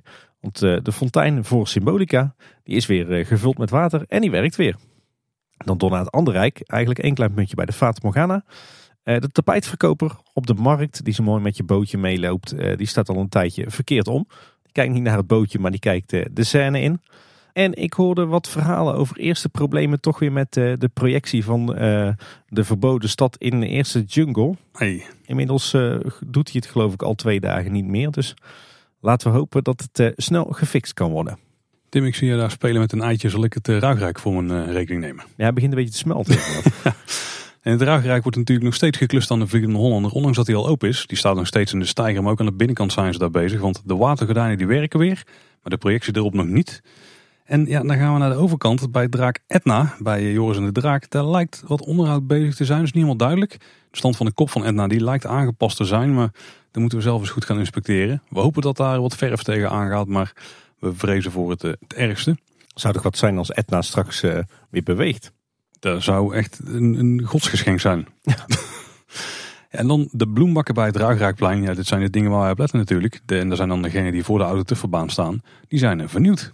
Ja, dan heb je van die mooie grote kuipplanten die in houten bakken staan. En, uh, en die waren wat verweerd, maar uh, inmiddels zijn die helemaal vervangen. Misschien moet je de komende aflevering even heel goed op gaan letten. Precies. Waarvan ik me besefte achteraf dat we vrij lang daar tussen de opnametijd en de release tijd hebben laten zitten. Waardoor misschien een beetje vreemd gaat overkomen. Maar dan moeten jullie zelf maar beoordelen volgende week. Nee, ik denk dat hij net op tijd komt. Oké, precies op tijd. je hebt natuurlijk tussen Python en Likkebaard heb je die uh, rhododendrons uh, zitten met al die mini plantjes ertussen. Dat is ook trouwens wel een plekje in de Efteling waar we liefde nodig heeft. Het straatwerk daar een keer opnieuw doen zou niet verkeerd zijn. Want dat wordt een beetje een rommeltje. Maar daar heb je ook een hoop van die bankjes verstopt zitten. En die zijn in onderhoud. De zit ik in de rugleuningen daar, die zijn verwijderd. En je denkt misschien gaan ze die schilderen of zo. Maar dit zijn kunststofbankjes toch? Ja, die, de, Efteling heeft natuurlijk een, eh, een paar jaar geleden een heleboel uh, van die klassieke houten banken weggedaan. En vervangen door ja, echt van die bankjes uit de catalogus. Hè, van, van ijzeren, met een ijzeren frame en kunststofzittingen en rugleuningen. Omdat die onderhoudsarm zouden zijn. Maar je ziet nu toch op een aantal plekken in het park dat ook die, die kunststofzittingen en rugleuningen, dat die toch ook gaan bladderen. Dus blijkbaar laat die verf toch ook los. Oh, ze zijn niet op kunststof op kleur gemaakt? Nee, nee, nee, daar zit wel een coating op. Volgens mij zijn we dan wel de ruikrijk heen, Tim. Ja, moet ik het dan weer overnemen, Paul? Uh, dat ligt dan wat jij met de laatste eitje wil doen. Die is voor jou. Oh, dan eh, mag jij zeker het overnemen. ik gun jou mijn eitjes. ja, dan het, eh, het reisrijk. We, we verwachten het al een beetje, maar inmiddels wordt er ook gewerkt aan het schilderen van de meanderinghekjes in de meandering van Carnaval Festival. Daar gaat de groene kwast langs. Overigens zijn er uh, voor de ingang van, uh, van de wachtrij van Carnaval Festival toch die, uh, die drie, ja wat zijn het, die drie plantsoentjes gemaakt Paul, waar nog iets van een haag of zo moet worden, in worden aangeplant. Ja, dat is inderdaad een hele goede vraag. ja, die fungeren inmiddels als buggystalling, want iedereen pleurt zijn buggy in, daar in de modder. Ja, erin ook hè? Ja. En eh, bij Archipel hadden ze het er al eerder over dat er één hutje was met wat, wat schade aan de rietkap. Door grijpgrage kinderhandjes. Uh, en, en, dat hutje is inmiddels afgezet met, uh, met rood-wit lint. Dus uh, waarschijnlijk krijgt dat, dat riet daar een opknapbeurt. Ze hebben toch wat rietdekkers over nu het Huis van de Vijf Zintuigen klaar is. En dan door naar het Marenrijk. Er werd de kleine zweefmolen deze week uit elkaar gehaald. Ik hoopte op een, een, mooie restauratie. Want ja, het is een prachtige molen met een hele mooie historie. Kwam ik laatst achter tijdens wat research. Maar heeft er ook al wat liefde nodig met een hoop uh, houtrot en bladderende verf. Maar het bleek maar van korte duur. Dus waarschijnlijk dat daar gewoon wat, uh, wat mechanisch onderhoud heeft plaatsgevonden. Dan door naar het Lavelaar. Daar gebeuren heel veel goede dingen. In het Lonkhuis, of eigenlijk aan het Lonkhuis, daar uh, is de bouwdienst nog bezig met de laatste loodjes van het, het groot onderhoud. Die nieuwe rand, zeg maar, onderaan het overstek van waar ze van gipsplaat die bak hebben gemaakt. daar gaat inmiddels in, inderdaad specie tussen de latjes op de gipsplaat. Dus uh, dat begint echt uh, richting voltooiing te gaan. Uh, dan iets opvallends. de bel van het leerhuis, het, het schooltje van de Laven, die is een aantal jaar op rij stil geweest. Daar hebben ze een, een lapje vilt of zo ingelijmd. Omdat er veel klachten van geluidsoverlast waren vanuit de Prinsessenbuurt. Omdat je daar dat belletje om de havenklap hoorde. maar sinds deze week doet hij het ineens weer. Dus ik ben benieuwd of dat, dat komt omdat de buurt het geen probleem meer vindt. Of omdat misschien het lapje vilt of zo. Of het lapje leer uit de bel is gevallen. laten we hopen dat het zo blijft. Want ik vind het toch altijd wel een tof effect. Wat ook terug is, is het geluid bij het, het gat der lava. Het gat waar de lava uit naar boven zijn gekomen na hun eeuwenlange reis in het Loof- en Eerhuis. dat doet het weer. En er is ook wat gelast aan de Lepperpomp. Dan door naar het Ton van de Ventplein. Daar heeft de, de fontein met Sinterklaas erop heeft een schoonmaakbeurt gekregen. en er zijn natuurlijk een aantal bomen daar gekapt en omgewaaid. zeg maar rond de cirkel met de elf bomen ter ere van Ton van de Ven. En inmiddels zijn er op die plantvakken waar geen bomen meer in staan, eh, zijn wat plantenbakken geplaatst met, eh, met eh, wat grotere boompjes en struiken.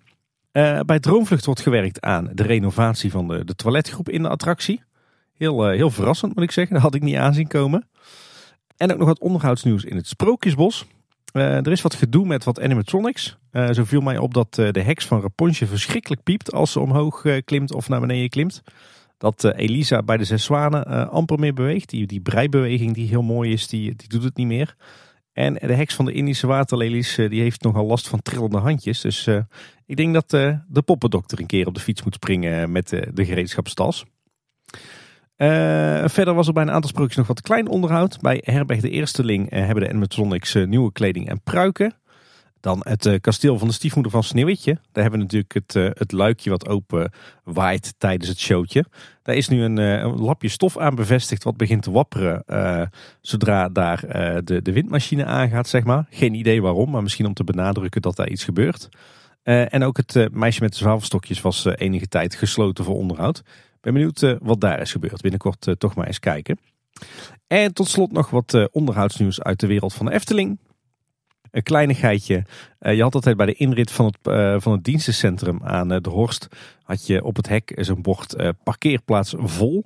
En die is vervangen door een mooi vormgegeven nieuwe bord. Met daarop ook een, een uitgebreide tekst waar je dan je auto moet parkeren als de parkeerplaats daar vol is.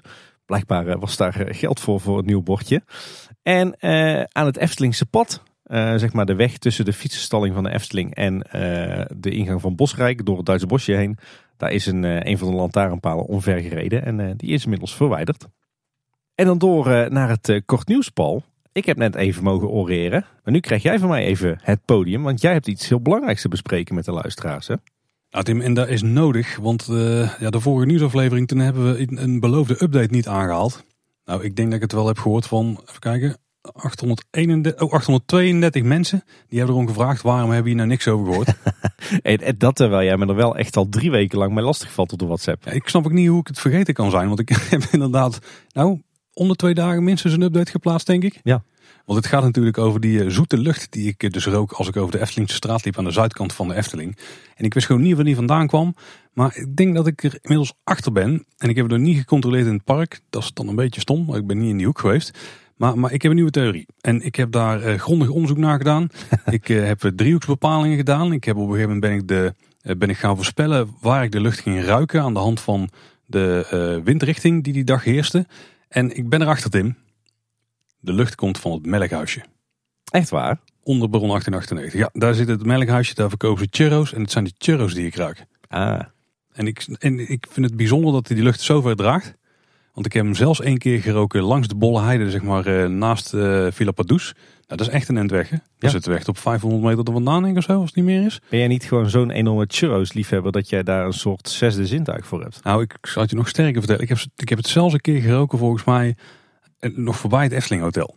Nou, ik, ik weet niet hoe uh, nauwkeurig mijn, uh, mijn neus... nou, daar kan het trouwens ook iets anders zijn geweest, bedenk me nu. Er liggen wel andere zoete puntjes langs. Maar toen stond de wind goed die kant op en dan heb ik daar ook een vergelijkbare lucht geroken. Maar die ik bij de Eftelingse straat heb geroken, weet het zeker.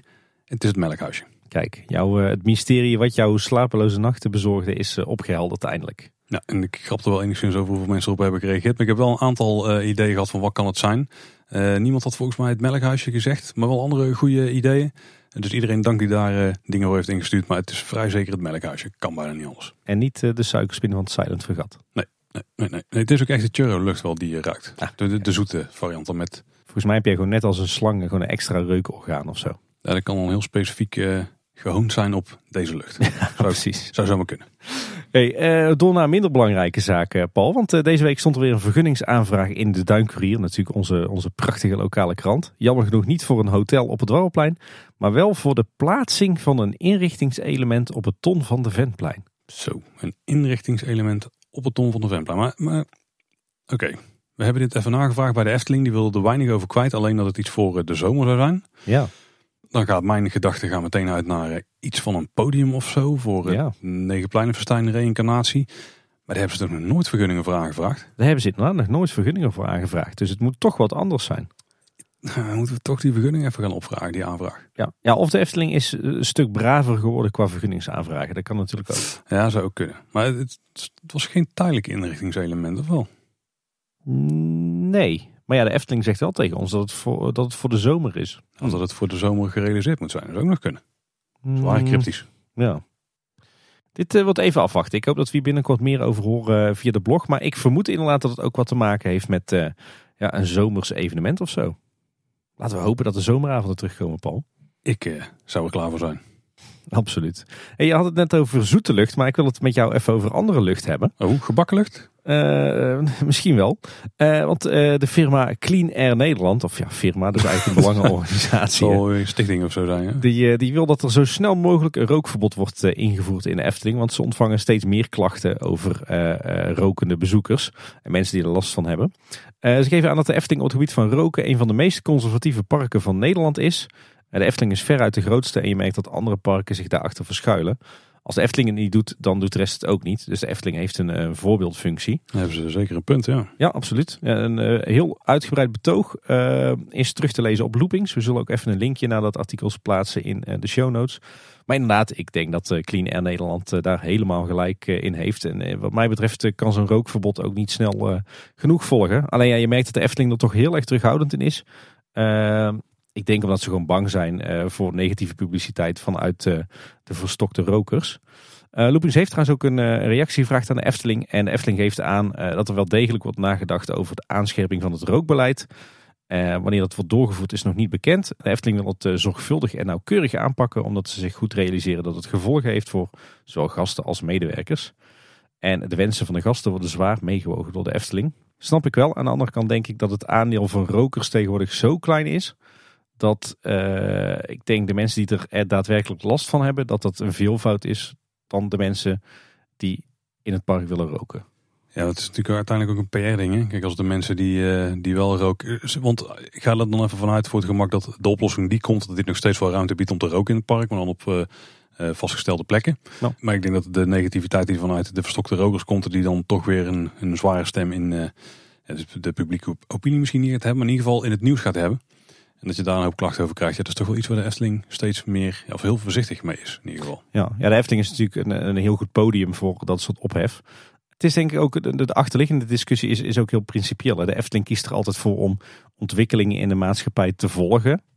Eh, en niet per se voorop te lopen met dit soort dingen. Misschien dat de Efteling toch eens wat meer lef zou moeten tonen. En gewoon eens zou moeten zeggen, wij zijn de grootste in Nederland wat betreft eh, pret- en themaparken. We hebben een voorbeeldfunctie. En, eh, en we zetten nou eens een duidelijke stap. Wij voeren het rookverbod in. En, en dan volgt de rest ook wel. In plaats van dat ze zeggen van nou, we hobbelen gewoon heel voorzichtig overal achteraan. Want we willen niet telkens het strijdtoneel worden van Ja. maatschappelijke ontwikkelingen. Ik zou zeggen, neem het voortouw. Ik bedoel, ik denk dat je dat als Efteling eh, in dit soort kwesties best wel moet kunnen en moet durven. Zou ik weinig problemen hebben. En zeker nu een, eh, ja, toch wel een boegbeeld van de Efteling recent is begonnen met roken. En sterker nog, het was exact op dinsdag 12 april rond de klok van kwart over elf. Ja, het is een zeeman, dus ja, je had- kan het niet helemaal kwalijk nemen. Maar eh, matroos Gijs die was plotseling aan het roken. Ja. Eh, en dat terwijl dat hij toch altijd wel een beetje een checkstem had. Ja, dat ook nog eens ja. Ja, nee, om eh, 11 uur eh, 15 gingen er inderdaad drie P2000 meldingen uit. Want er was een, een brand in de Efteling. Eh, nou, op dat moment zat ik toevallig thuis te werken met mijn web WhatsApp open. En nou, ik weet niet wat er gebeurde, maar de hele WhatsApp liep ineens vol met allemaal mensen die riepen. Wat is er aan de hand? Tim, ga- kan je gaan kijken? Ik werd zelfs benaderd door verschillende journalisten. Of ik wist wat er aan de hand was. Uh, dat was al geroepen, oh zou de Fata Morgana in, uh, in brand staan? Maar dat was allemaal niet het geval gelukkig. Uh, want inderdaad, een klein brandje bij matroos Gijs. Nog niet eens een, een brandje. Waarschijnlijk een smeulende sigaret. Die zorgde voor heel veel rookontwikkeling. Het heeft uiteindelijk ook niet gebrand. Het probleem was alleen dat, dat de Efteling-medewerkers het brandje zelf niet uitkregen. en toen werd de brandweer gebeld. Nou ja, voorheen had de Efteling natuurlijk een eigen bedrijfsbrandweer. Die had dit waarschijnlijk zelf opgelost. Die bedrijfsbrandweer is niet meer. Dus dan moet je gebruik maken van de externe hulpverleners. Ja, en dan komt er een heel circus op gang. Want zowel de post Loon op Zand als de post als de post Waalwijk... die kwamen aanrijden van de brandweer. Plus een hoop politie in het park. plus natuurlijk een hoop pers erop af. Hè, want die volgen dat allemaal. maar uiteindelijk was het een heel circus voor iets heel kleins. Want binnen het kwartier was het brandmeester. Uiteindelijk geen schade. Op dit moment staat Matroosgijs wel uit en staan wat hekken omheen. Uh, maar mensen die in het park zijn geweest, die geven ook aan dat er uh, geen zichtbare schade aan het huisje of aan de gijs zelf is. Waarschijnlijk was het dus alleen maar wat, wat rookontwikkeling en geen echte brand. Dit waren wel eens dingen die in het verleden de bedrijfsbrandweer van de Efteling zelf had geblust. Ja, zeker. Voor zoiets kleins had het de brandweer niet opgeroepen. Nee, nee als, als er in het verleden een grote brand was, dan werd wel uh, voor de achtervang wel ook echt de professionele brandweer opgeroepen. Maar in dit soort gevallen niet. Nee, dat werd gewoon met, uh, met de eigen mensen opgelost. Ja, je kan je afvragen in, op dit soort momenten of het natuurlijk slim is geweest om de bedrijfsbrandweer uh, af te schaffen. ik snap het enerzijds omdat je zegt, hè, als je een eigen brandweer hebt, dan haal je toch een hoop verantwoordelijkheid en een hoop kosten naar je toe. Terwijl je natuurlijk de, de normale hulpdiensten hebben die het ook voor jou doen. Aan de andere kant, je ziet nu wel, hoe meer afhankelijk je wordt van de externe hulpdiensten, hoe meer toeters en bellen dat je ook in je park hebt en hoe meer publiciteit ook. Dus misschien als je met eigen mensen kan afwerken, dat je dat allemaal, uh, allemaal voorkomt. Maar goed, dat is een andere uh, discussie. Wat me overigens verbaasde, uh, een heleboel gijzen in de Efteling hebben een automatisch blussysteem in het gebouwtje zitten. Dus op het moment dat er brand wordt gedetecteerd, dan eh, wordt er met een, eh, een, een blusgas, volgens mij halongas of zo, uh, treedt dan in werking en dan wordt, wordt die hele containerruimte volgeblazen met dat gas en dan gaat het vuur vanzelf uit. dat is hier niet gebeurd. misschien omdat Matroosgijs nog niet zo'n installatie heeft. Of misschien dus omdat er alleen rook was en, en geen brand, dat het ook niet werd geactiveerd. maar al met al een hoop ophef, maar er was eigenlijk helemaal niks aan de hand. Er is wel iets heel moois gekomen, Tim, uit dit brandje. nog een mysterie, Paul. Ja, nog een mysterie. Want op een gegeven moment toen um, zijn er wel mensen natuurlijk gaan kijken, waar was de schade nou? Die hebben aan de achterkant hebben ze wat deurtjes en wat luiken opengezet. Die aan de achterkant van die gijs zitten. En toen deden ze daar een deurtje open, uh, of een luikje eigenlijk aan de bovenkant, zeg maar in de, de nok van het huisje. En daar is een foto van gemaakt. En toen kregen we al wat berichten van, wat ik nou daar in dat raampje? En toen dacht ik, nou, ik zal die foto's even op Twitter zetten, want ik had zelf ook geen idee. Misschien dat een van onze luisteraars het weet. En eh, er zat daar een gezicht achter het raampje. Ja. Een pop. En we hebben wel meer ramen in de Efteling waar dan een pop achter verstopt zit. Maar deze die konden we niet zo heel snel plaatsen. En dat was het grote mysterie. Welke pop zagen we hier nu staan? Want kijk, ik ga er uiteindelijk vanuit dat het dan gewoon een medewerker is geweest. En die denkt, ha, we zitten hier bij Exposlot. Ik heb een eh, spannende pop. En uh, die moet eigenlijk weg. Maar ik stop hem hier in een huisje. Want de eerste, de beste collega die dan de luikje open trekt, is schrik zich eigenlijk helemaal kapot. En dat is lachen we het er niet. Mooie practical joke. Ik kan het thuis bakje mooi even over hebben. ja. Maar um, ja, we wisten gewoon niet waar die pop vandaan kwam. Dus het hele internet is gaan speuren. En was op een gegeven moment een lichtpunt die zich met de discussie bemoeide. En die zei, zoals niet gewoon Marie van Heumen vragen, dat die misschien hier uitsluitsel over kan geven. En Marie die reageerde dat het wel lijkt op de dame van de geestencarousel. Het gezicht lijkt wel op Esmeralda, maar de kleding was niet zo uitgebreid. Nee, nee, ze deed in eerste instantie ook heel erg aan Esmeralda denken. Ik denk misschien een, een vroegere verschijningsvorm van Esmeralda. Maar het is toch een, eh, een andere. En inderdaad eh, de dame in de geestencarousel. Wat natuurlijk eh, de dochter is van de burggraaf van Capelle van Kaatsheuvel. Voor degenen die het verhaal kennen. Zo. Die zou het, die zou het heel goed kunnen zijn. Nou, weer een mysterie in Nestling opgelost. Heeft ons toch een dag of twee bezig gehouden. Zeker. Kunt mij ergens mee bezig zijn, toch? Als die zijn Nestling is, Tim, dan kunnen wij daar sowieso heel makkelijk. Met liefde. hey, Paul, dan gaan we naar het, de categorie prijzen en awards. Zo, ja, want de Efteling is wederom genomineerd voor het meest krant, klantvriendelijke Ook wel trouwens, want ze staan al regelmatig in de krant. Maar het meest klantvriendelijke bedrijf van Nederland. Samen met Apel, KLM, Lando Green Parks en Van der Valk. Ja, daar hoeven we niet zo heel veel over te zeggen. Ik verwacht ook wel een cool blue of zo tussen eigenlijk. Maar... Ja, of Toverland. Ja, Toverland misschien iets minder tot de verbeelding spreekt een naam in heel Nederland. Ik denk dat ze daar, dit moet wel echt een grote club zijn die hier... Uh, ik vind ons namelijk ook best klantvriendelijk. Maar ja, wij komen nooit zo'n leuke lijstjes voor. Als kleine boodschappenteam. Ja, wij zijn sowieso klantvriendelijk, Tim. Um, maar de andere award is uh, dan eentje waar de Efteling uh, niet genomineerd is. Of in ieder geval niet in de top 3 staat. Heel bijzonder. Ja. Want dat is de verkiezing voor het leukste uitje van 2022 door de ANWB. Volgens mij staat de Efteling daar al jaren hoog in het lijstje en hebben ze de afgelopen, van de afgelopen vijf jaar een keer of vier gewonnen. Ja. Maar er staat de Efteling niet in de landelijke top 3 en ook niet in de top 3 van Brabant. Dat is bijzonder. Dat is heel vreemd, ja. Ik vraag me af of het nou, nou zo is dat de Efteling inderdaad eh, echt voor de verandering een keer slecht heeft gescoord bij deze verkiezing. Eh, bijvoorbeeld omdat ze vorig jaar nog heel veel eh, coronamaatregelen in het park hadden. Of omdat de Efteling eh, toch best wel vaak kritisch of negatief in het nieuws is geweest. Of heeft de ANWB misschien gezegd, eh, dit jaar doen de mensen die altijd, of de bedrijven die altijd winnen niet mee. Of de, de pret- en themaparken doen niet mee. Want ook bijvoorbeeld een Toverland of een Walibi kwamen niet voorbij. Vooral heel veel eh, dierentuinen, musea en kastelen die voorbij kwamen. Ik vond het ook bijzonder, maar ik denk dat een van die redenen die jij net noemt het wel is, ja. Er is in ieder geval ook weer horeca nieuws, Tim. Want we hebben het al eerder gehad over het heldendiner bij het Wapen van Ravelijn. Daar komt een try-out voor. Die is op dinsdag 10 mei. Daar kun je zelf voor opgeven als je abonnementhouder bent. Daar heb je een mail over gehad al. Eh 100 abonnementhouders die kunnen daar eh, de try-out gaan doen. Ik heb mezelf al opgegeven. Ik zie het wel zitten om daar eens even te gaan proberen hoe het allemaal in elkaar steekt. Ik heb eh, mij en mijn gezin ook opgegeven. Zou het mooi zijn als wij beide worden uitgekozen? Ja, misschien gaan we elkaar er wel zien, Paul. Ik, eh, ik hoop het. Ehm, wat ook opvallend is, is dat de Swirl Happiness Stations bij het Witte Paard en Polles Keuken, de, dat is de, laatste die heet glad ijs natuurlijk, dat die eh, niet meer open lijken te gaan en verbouwd te gaan worden. En er gingen wat geruchten rond over dat hier een ander concept in ging komen. En dat lijkt wel het geval te zijn, want alle verwijzingen naar die zijn al weggehaald. Ja, inderdaad. want Bij glad ijs zijn, eh, zijn alle, alle commerciële uitingen van de gevel eh, gesloopt. Hè? Ja, ja, ja. ja, sowieso wel opvallend inderdaad dat, die, eh, dat beide verkooppunten al een hele tijd niet meer open zijn. Dus ja, toch een teken aan de wand dat hier wat gaat gebeuren. Ook opvallend is dat Panorama Self-Service al twee weken dicht is. Nou hebben we ook hier geruchten over gehad, namelijk dat Laplace hier naartoe zou gaan verhuizen vanuit de Vrolijke Nood. Maar nou gaat er ook een gerucht rond, volgens mij eentje van Jeroen Twee, die houdt alle geruchten tegenwoordig Ja. bij. Dat ook het la carte restaurant bij Panorama overgenomen zou gaan worden door Laplace. Ja, Nou weet ik niet hoe vrolijk ik daar allemaal van word, maar daar hebben we het al eerder over gehad. Hè? ja ik, eh, moet zeggen, ik, ik heb mijn gedachten op dit punt enigszins veranderd eh, sinds de voorgaande aflevering hierover. Wat ik vooral jammer vind, eh, ja, bij Laplace kan je heerlijk eten. Mm, Misschien is de kwaliteit van het eten en drinken wel beter dan, eh, dan de gemiddelde Efteling kwaliteit. Maar ik vind het wel schreeuwend duur. Ja. En ik moet zeggen dat ik het personeel toch ook zeker geen Efteling personeel vind qua, qua vriendelijkheid en gastgerichtheid. Ja, daarin je natuurlijk dat het niet in handen van de Efteling zelf is. Dus ja, alle zeg maar, themamaaltijden zo die erin komen, die, ja, die liggen in handen van Laplace. En voorheen zijn die niet heel veel verder gekomen dan een kindermenuutje in een eh, soort McDonald's doos. Ja, ik moet zeggen dat ik eigenlijk toch wat dat betreft wel eh, eh, tegenstander ben van een externe formule als Laplace echt midden in het park. Ik vond het bij de Vrolijke Nood zo in het entreegebied vond ik dat prima en vond ik het eigenlijk wel een uitkomst. Ik heb er ook met veel plezier eh, geluncht en, en, en gedineerd verschillende keren. Maar zo midden in het park zo'n externe formule, nee, dat vind ik toch niks voor een, een bedrijf van het kaliber als de Efteling. Kijk, dat je dat in een duinrel hebt of, of zo, dan, dan snap ik het nog. Maar toch niet in de Efteling, zo'n externe formule midden in het park. Nee. En ik kan me ook voorstellen dat het echt best wel pijnlijk is voor de mensen die daar werken. Hè. Volgens mij werken daar aardig wat mensen al tientallen jaren. En die worden nu gewoon herplaatst naar elders in het, eh, in het park. Naar, eh, naar verluid naar een Polleskeuken of een Wapen van Ravelijn. Ja, volgens mij best wel pijnlijk als je daar na al die jaren weg moet. Omdat een externe formule daar eh, de toko gaat runnen. Ja, ja, aan de andere kant, straks komt de horeca bij, bij het hotel. Misschien dat die mensen dan daarheen kunnen, dat ze daar iets nieuws moois kunnen gaan opbouwen. Ja, uiteindelijk moet Laplace hier toch ook gewoon uit.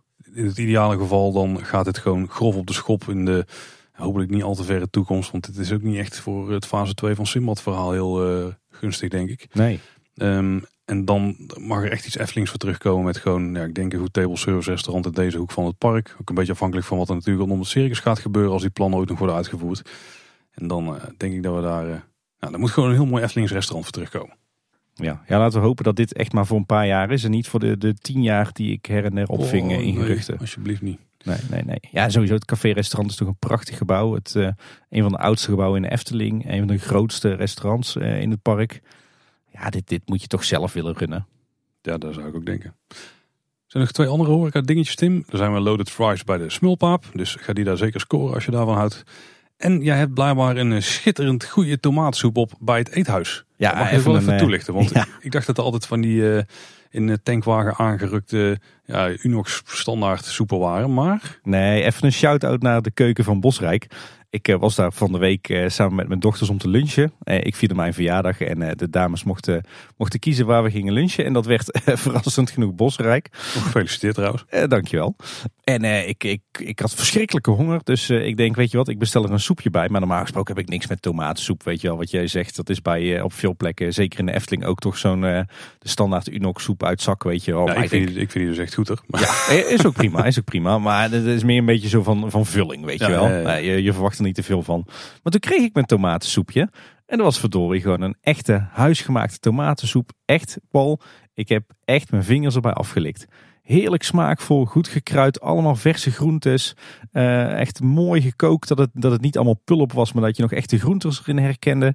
Echt, ik heb echt zitten smullen en genieten van die tomatensoep. Terwijl ik dat normaal gesproken nooit doe, want dan, dan slobber je het naar binnen en, eh, en het is weg. Maar dit was echt, nou, echt een bijzonder smaakvol eh, soepje. even wachten, jij eet soep wel met een label toch? Ja. Omdat je je vingers er wel aflikte? Iets niet Ja, maar je doet, als, het, als je dan, hè, als de lepel niet meer afdoende is, dan doe je toch even met eh, met je vingers de kom. Ja, de, altijd. Precies. Zo doen wij dat in Brabant. Maar eh aanradertje dus. eh, de tomatensoep bij Bosrijk. Lekker voor de lunch. Dat is een hele goede tip. Ja, Paul, en dan hebben we de categorie horeca hebben gehad. Dan hebben we de categorie calamiteiten gehad. Dan komen we uit bij de categorie dieren. Fauna. Ja, inderdaad. En eh, leuk nieuwtje bij de Zes Zwanen. Daar hebben we natuurlijk een aantal waterbakken rond het, eh, rond het sprookje zitten. En eh, daar zitten inmiddels vissen in. Hoppa. Kleine visjes, leuk. En wat, wat me nog opviel in, in een berichtje van de webcare... is dat de Efteling tegenwoordig nog maar één pauw heeft. Pauw Jeroen wel? Of Ja, is, is dat de enige? dat verbaast mij ook. Ik had het idee dat Efteling een paar jaar terug een aantal pauwen had uitgezet. Minstens twee, ja. Ja, maar volgens mij ook een tijdje een witte pauw. Toch zonde dat er nog maar eentje over is. Ik hoop eigenlijk dat... eh, zou het wel leuk vinden als we toch eh, wat meer eh, gevogeld zoals dit in het park rond zouden zien stappen. Ja, ja. Maar goed, tot dusver hebben we alleen Pauw Jeroen. En die heeft nogal een sterrenstatus in het liefhebberswereldje. Dus mooi om te zien. Paradeert ook graag rond, dus dat helpt ook wel. Hey, er is ook wat merchandise nieuws. Nieuw is een mini-astrolabium. Dat is natuurlijk het, object dat Simbad vast heeft om de weg te wijzen onder de sterren. Die ligt voor 7,50 te kopen in het park. Heel tof souvenir. Volgens mij hebben we ook wel eens op gehind dat dat een heel tof ding zijn Ja. om... eh, dat er een heel tof ding zijn om als souvenir uit te brengen. Maar hij is wel veel kleiner natuurlijk dan degene die Simbad vast heeft.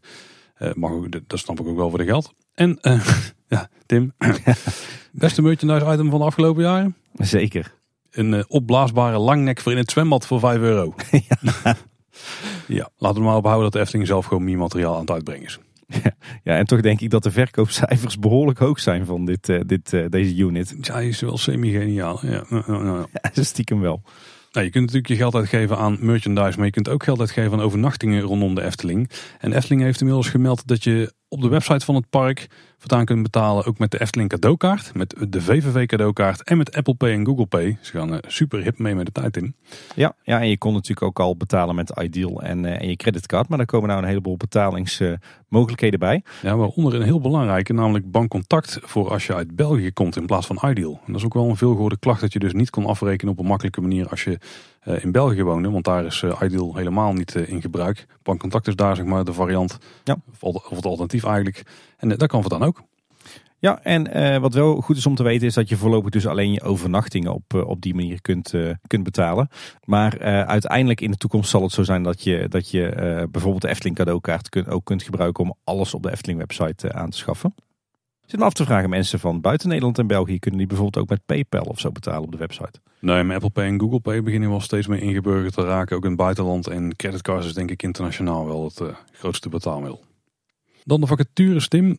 Er staan nog steeds eh, heel veel open. Het is natuurlijk maar een week later dan de vorige keer dat we hebben besproken. Maar er waren toch wel een paar die leuk waren om eruit te halen. Ja, het worden er eh, alleen maar meer. 47 inmiddels, joh.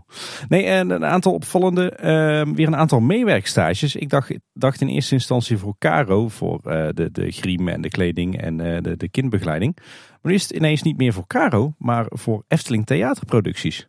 Zou dat betekenen dat er meerdere theaterproducties aan gaan komen naast Caro? Ja, zou hier misschien niet eh, het heldendiner ook ondervallen bij Ravelijn? Ja, Dat ook een deel voor het theaterproducties gaat, ja. of misschien het zomerse evenement wat gaat komen. Oh ja, dat zou ook zomaar kunnen. Ja. Ja.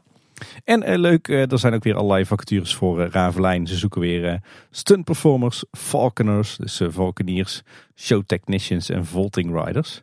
Ik ben benieuwd Paul, als jij zou moeten kiezen, wat zou jij bij Ravelijn gaan doen? Ja, dat wordt de showtechnician natuurlijk. Die andere, daar ben ik echt niet voor weggelegd. Nou, ik moet zeggen, ik, ik heb ooit wel een keer een, eh, een dagje met, eh, met van die vogels op mijn arm gestaan uh, in een of andere workshop. Valkenier lijkt me wel echt vet. Maar ik denk, als ik, als ik zou kunnen kiezen, ik zou, dat, ik zou het ook wel vet vinden om zo'n stunterruiter te kunnen zijn. Hoor. Ja, gaat het erom wat je zo graag zou willen zijn, ja. willen kunnen zijn. ja, dan, dan zo'n vaulting rider inderdaad. Ja, ja dat lijkt me wel cool. Ja, ja, ik heb al een paar keer paard gereden de afgelopen jaren. Uh, behoorlijk uh, moeilijk, moeilijker dan je verwacht. Maar als je dan eenmaal een beetje kan, dan is het toch wel heel, heel spectaculair en tof om, om te doen. Hoor. Nou, ook nog een wisseling van de wacht in de Efteling-organisatie. Femke van Essen hebben de vorige keer al aangehaald. Hè. Die had een interview gedaan bij Loopings. Die heeft een nieuwe functie. Die lijkt het oude plaatje van Wieke Smit te gaan invullen. Die wordt manager corporate affairs. En in de tijd van Wieke was dat nog een mooie Nederlandse term. Ja, toen was ze manager bestuurlijke zaken. Hè? Wat gewoon ja, letterlijk het, dezelfde titel is, maar dan een andere taal. Ja. Uh, die was voorheen, of die is misschien nog steeds wel teamlead communicatie. Oh, die ook al Engels communicatie en reputatie. Uh, maar wat gebeurt daar dan mee met die functie? Ja, wij vroegen ons dat af. Uh, ze heeft inmiddels, Femke heeft inmiddels op, op LinkedIn een klein beetje toelichting opgegeven. Althans, ze zei daar dat ze, dat ze dit ook wel erbij blijft doen. Maar dat haar functie veel breder wordt. Nou ja, daarmee weten we natuurlijk alsnog niet of zij ook echt het teamlead van communicatie en reputatie blijft. Of dat daar nog, nog iemand tussen geschoven wordt. We gaan het denk ik wel zien op de vacature site hè? Ja, of op LinkedIn, want dat zal wel een intern doorgeschoven iemand kunnen zijn. Ja, ja, ja. Uh, ja, bestuurlijke zaken. Volgens mij bestaat dat naast communicatie en reputatie in ieder geval uit uh, de afdeling wet en regelgeving. Met alle mensen die over veiligheid gaan en, uh, en, en vergunningen en, en keuringen en certificeringen. volgens mij valt duurzaamheid er ook onder. En volgens mij valt de afdeling juridische zaken er ook onder. Dus dat een mooi totaalpakketje voor Femke. Femke, Gefeliciteerd met deze mooie stap, zou ik ja, zeggen. En zeker succes. Ja. En nog een paar uh, leestips. Eentje van Eftepedia. Die hebben een nieuw en zeer uitgebreid lemma over advertenties van de Efteling geplaatst. En er zijn dan in dit geval advertenties tussen 1952 en voorlopig 1990. En dit wordt waarschijnlijk wel uitgebreid in de toekomst. En een, een hele toffe trip down, ja, niet down memory lane, want heel veel hiervan is nog van voor onze jeugd. Ja. Maar wel een hele mooie trip eigenlijk door de geschiedenis eh, van, ja, van reclameuitingen in bijna 40 jaar. Ja, heel mooi om te zien. En echt ook echt een berg voorbeelden met prachtige, uh, prachtige vormgeving. Uh, vaak nog in de Anton Pieck stijl. Dus uh, een ontzettend tof lemma. En als je nou eens een keer heel begrijpelijk wil lezen wat nou de rol is van Stichting Natuurpark de Efteling als eigenaar van de Efteling BV, dan heeft Parkplanet een heel tof artikel geplaatst. Die zal ook linken in de show notes. En daar wordt het echt haarfijn uitgelegd in een heel begrijpelijke taal. Heel cool. Ja, en nog een kijktip. Een, een video van Albert Blokker. Zou die van de, de winkelketen zijn? Vraag me af. Dat is wel een familie die het geld had voor een camera in 1967. ja. Die heeft een, een video van Efteling in 1967 uh, op YouTube geplaatst. Met prachtige beelden van uh, onder meer het, het Sprookjesbos, de speeltuin met het kinderbad, de kanovijver, de stoomcarousel en het Antropiekplein. Wat natuurlijk alles bij elkaar, alles was wat er destijds in de Efteling te doen was. Maar heel veel toffe en nog best goede beelden uit die tijd. Heel mooi om te zien. We zullen het linkje daarna ook weer in de show notes plaatsen. Ja, en dadelijk door naar jullie reacties, maar eerst nog en dan nog dit. En Tim, ik had toch een klein pareltje gevonden afgelopen weekend. Ja, ik, uh, ik was ook erg verrast. Ik uh, liep rond uh, een weekendje bij de scouting. Mijn dochter zit erop en we mochten als ouders een keertje mee. En um, ik liep er door het gebouw heen en even misschien de situatie schetsen. Ik heb hier zelf ook 30 jaar rondgelopen. Hè. Volgens mij bijna 20 jaar als lid en ook zelf 10 jaar als staflid. Dus dan kom je veel in dat gebouw. En je hebt daar zo'n, ja, zeg maar de, de mini-kantine waar je kunt terugtrekken als staf als je, of als leiding als je wat dingen moet bespreken of zo. Ik stond al wat thee te drinken. Nu thee, maar ik denk destijds iets anders, of niet? Ja, en misschien afgelopen weekend in de avond ook wel iets anders. Maar toen thee. En ik stond er nog eens rond te kijken naar al die foto's waar, waar ik zelf ook op een paar stond. En in één keer viel mijn oog op een tekening in de hoek. En ik denk, oh, die ziet er eigenlijk best wel vrij uit. En ik ging eens wat dichterbij kijken. Nou, en dat was gewoon echt een handgetekende tekening, geen kopie of zo. Ik denk, nou, die ziet er inderdaad heel erg fraai uit. En dat was zeg maar een tekening met een karwiel met daarbinnen. Want dat is het kenmerk van de wijk waarin die scouting zich bevindt. En erin stond dan een beetje de, de scoutingleven werkt, al mooi 3D geschaduwd en zo. Met een uh, touw eromheen, ook heel erg chic getekend. En in één keer viel mijn, mijn oog op de handtekening die erop stond. En dit was gewoon maar rempel een tekening van Henny Knoet. Echte originele Henny Knoet, joh. En ik heb ze zitten afvragen van hoe kan dat nou? En toen was dat ook duidelijk geworden. Want um, de jarenlang zeg maar een beetje ja, het, hoofdstuk van de scoutinggroep daar was uh, chef Verschuren. Die ook heel lang in de technische oh. dienst van de Efteling heeft gezeten. Dus ik vermoed dat dat lijntje met Henny ja, Knoet is geweest. Tof. Het is over zijn tekening uit ik gok 1981, want die datum stond erop voor het 30-jarig bestaan van die uh, groep volgens mij. Speciaal voor die gelegenheid zal chef dan wel denk ik aan Henny hebben gevraagd van kun jij ja, een mooie jubileumtekening voor ons maken. Of schild is het eigenlijk bijna geworden. Ja, heel tof. Tof verhaal. Ik eh, zal eh, ook hier eh, weer een, linkje in de show notes plaatsen van een, eh, een tweetje waarin jij die foto's hebt gezet. En jij nog dingen eh, uitgesproken, Tim, in ja, de afgelopen zeven dagen maar eigenlijk. ja, veel weer in de Efteling gezeten en Bosrijk dus. En een jaartje ouder geworden. Nee, eh, wat hebben, we, hebben we verder gedaan? Eh, we zijn nog naar Slot Loevestein geweest. Eh we waren al een paar keer Oh, eerder ja. geweest, maar de eerste keer met, eh, met de kids. Eh, ik vind kastelen altijd heel bijzonder met kinderen. Want je denkt altijd, eh, kinderen vinden echt geen zak aan kastelen. Maar op de een of andere manier, tenminste dat geldt voor mijn kids, maar volgens mij ook voor die van jou, eh, vinden die kastelen echt helemaal super tof. Ja, joh, groots oude gebouwen zijn sowieso super interessant altijd. eh, Tenminste, wat onze kinderen betreft. Ja, zeker. Ja, die van ons ook. En de kastelen spelen, spreken echt tot de verbeelding. Maar het is daar heel leuk geworden. Je hebt niet alleen het eh, kasteel waar je een toertje kan maken en waar je allerlei eh, leuke hippe tentoonstellingen hebt. Maar je hebt er ook een heel buitenterrein. Je kan over de, de, de, de vestingwallen lopen. Eh, er zitten allerlei interactieve elementen in tegenwoordig. Je kan zelf een kanon afvuren en met, eh, met oude musketten schieten op eh, doelen. En, zijn eh, er zo weinig mensen dat je een kanon kunt afvuren daar? Ik word af en toe moe van mezelf. Ja, ja, ja, jij niet alleen. en eh, ehm, ook een toffe, toffe nieuwe speeltuin, een kleine waterspeeltuin, een goede horeca. Dus eh, we hebben daar echt een, eh, een ontzettend leuke, relaxte dag gehad. En heel veel ook weer geleerd. Dus toffe plek. En gratis als je museumkaart hebt. Ah, kijk. Ja, en Paul, ik wil nog even twee minuten stilte inlassen. Ja, een traantje wegpinken, denk ik. Ja, want een van de grootste, meest memorabele iconen in Europees pretparkland gaat toch echt definitief verdwijnen. Ja. De Hollywood Tour in Fantasieland. Ja. Nou ja, twee minuten gaan we niet redden. Nee, nee, maar dat is toch wel heel jammer. Ik moet bekennen, oprecht, oprecht is de Hollywood Tour wel echt mijn nummer één guilty pleasure in Fantasieland. En ik heb echt al een zwak voor Fantasieland. Dus ik heb die attractie vaker gedaan dan eh, gezond voor me is. Maar eh, ja, hoe fout dat hij ook is en hoe slecht dat hij ook is, ik ga hem eh, oprecht missen. En jij niet waarschijnlijk, Paul. Gecondoleerd, Tim. Ja. Hey, en trouwens nog iets over, eh, over eh, eh, andere favoriete parken en misschien semi-concurrenten van de Efteling. Ik zag wat, wat foto's, wat bouwfoto's voorbij komen van uit Toverland. Daar zijn ze natuurlijk Expedition Zorg, de, de, de Ja. waterbaan zijn ze helemaal aan het herthematiseren. Echt ontzettend tof. Ja, dat gaat er echt goed uitzien, ja. Tof. Alleen wat mij, wat mij opviel, mijn oog viel op nieuwe hekwerken rond de vijver. En eh, nou, misschien ligt het aan mij, maar dat, eh, dat zou zo in de Efteling passen, joh. Dat, eh, dat was een, een Eftelingser hekwerk dan de hekwerken die we tegenwoordig in de Efteling zien. Ja, als je de laatste paar bouwberichten erbij pakt, dan denk je dat je wel gelijk hebt, ja. Ja, grappig om te zien. Je zou bijna zeggen dat de ontwerper daar ook wel eens in de Efteling komt. Hey, en dan is het eindelijk tijd voor wat reacties van luisteraars. Tim, dan beginnen we met een eh, vraag over iets zeer recents wat we in de vorige nieuwsaflevering hebben besproken. Toen ging het namelijk over het eh, Efteling Grand Hotel. We kregen een berichtje van Mark Laurens en die vraagt... Ik mis een beetje jullie mening over de naam van het nieuwe Efteling Hotel in jullie laatste nieuwsaflevering. Ja, daar hebben we heel kort wel over gehad. Vooral over waar moet het woordje Efteling nou staan in de naam. Maar wat vinden we nou eigenlijk van de naam in het algemeen? Ja, ik moet zeggen, de reden dat ik daar nog weinig van heb gezegd, is dat ik het ook eigenlijk nog niet heel goed weet, moet ik zeggen. Aan de ene kant vind ik hem geniaal, omdat ik denk hij is eh, internationaal. Hij is voor iedereen te begrijpen. Hij, hij ligt voor de hand. Hij, hij zegt eigenlijk het belangrijkste. Het is een grand hotel in de Efteling.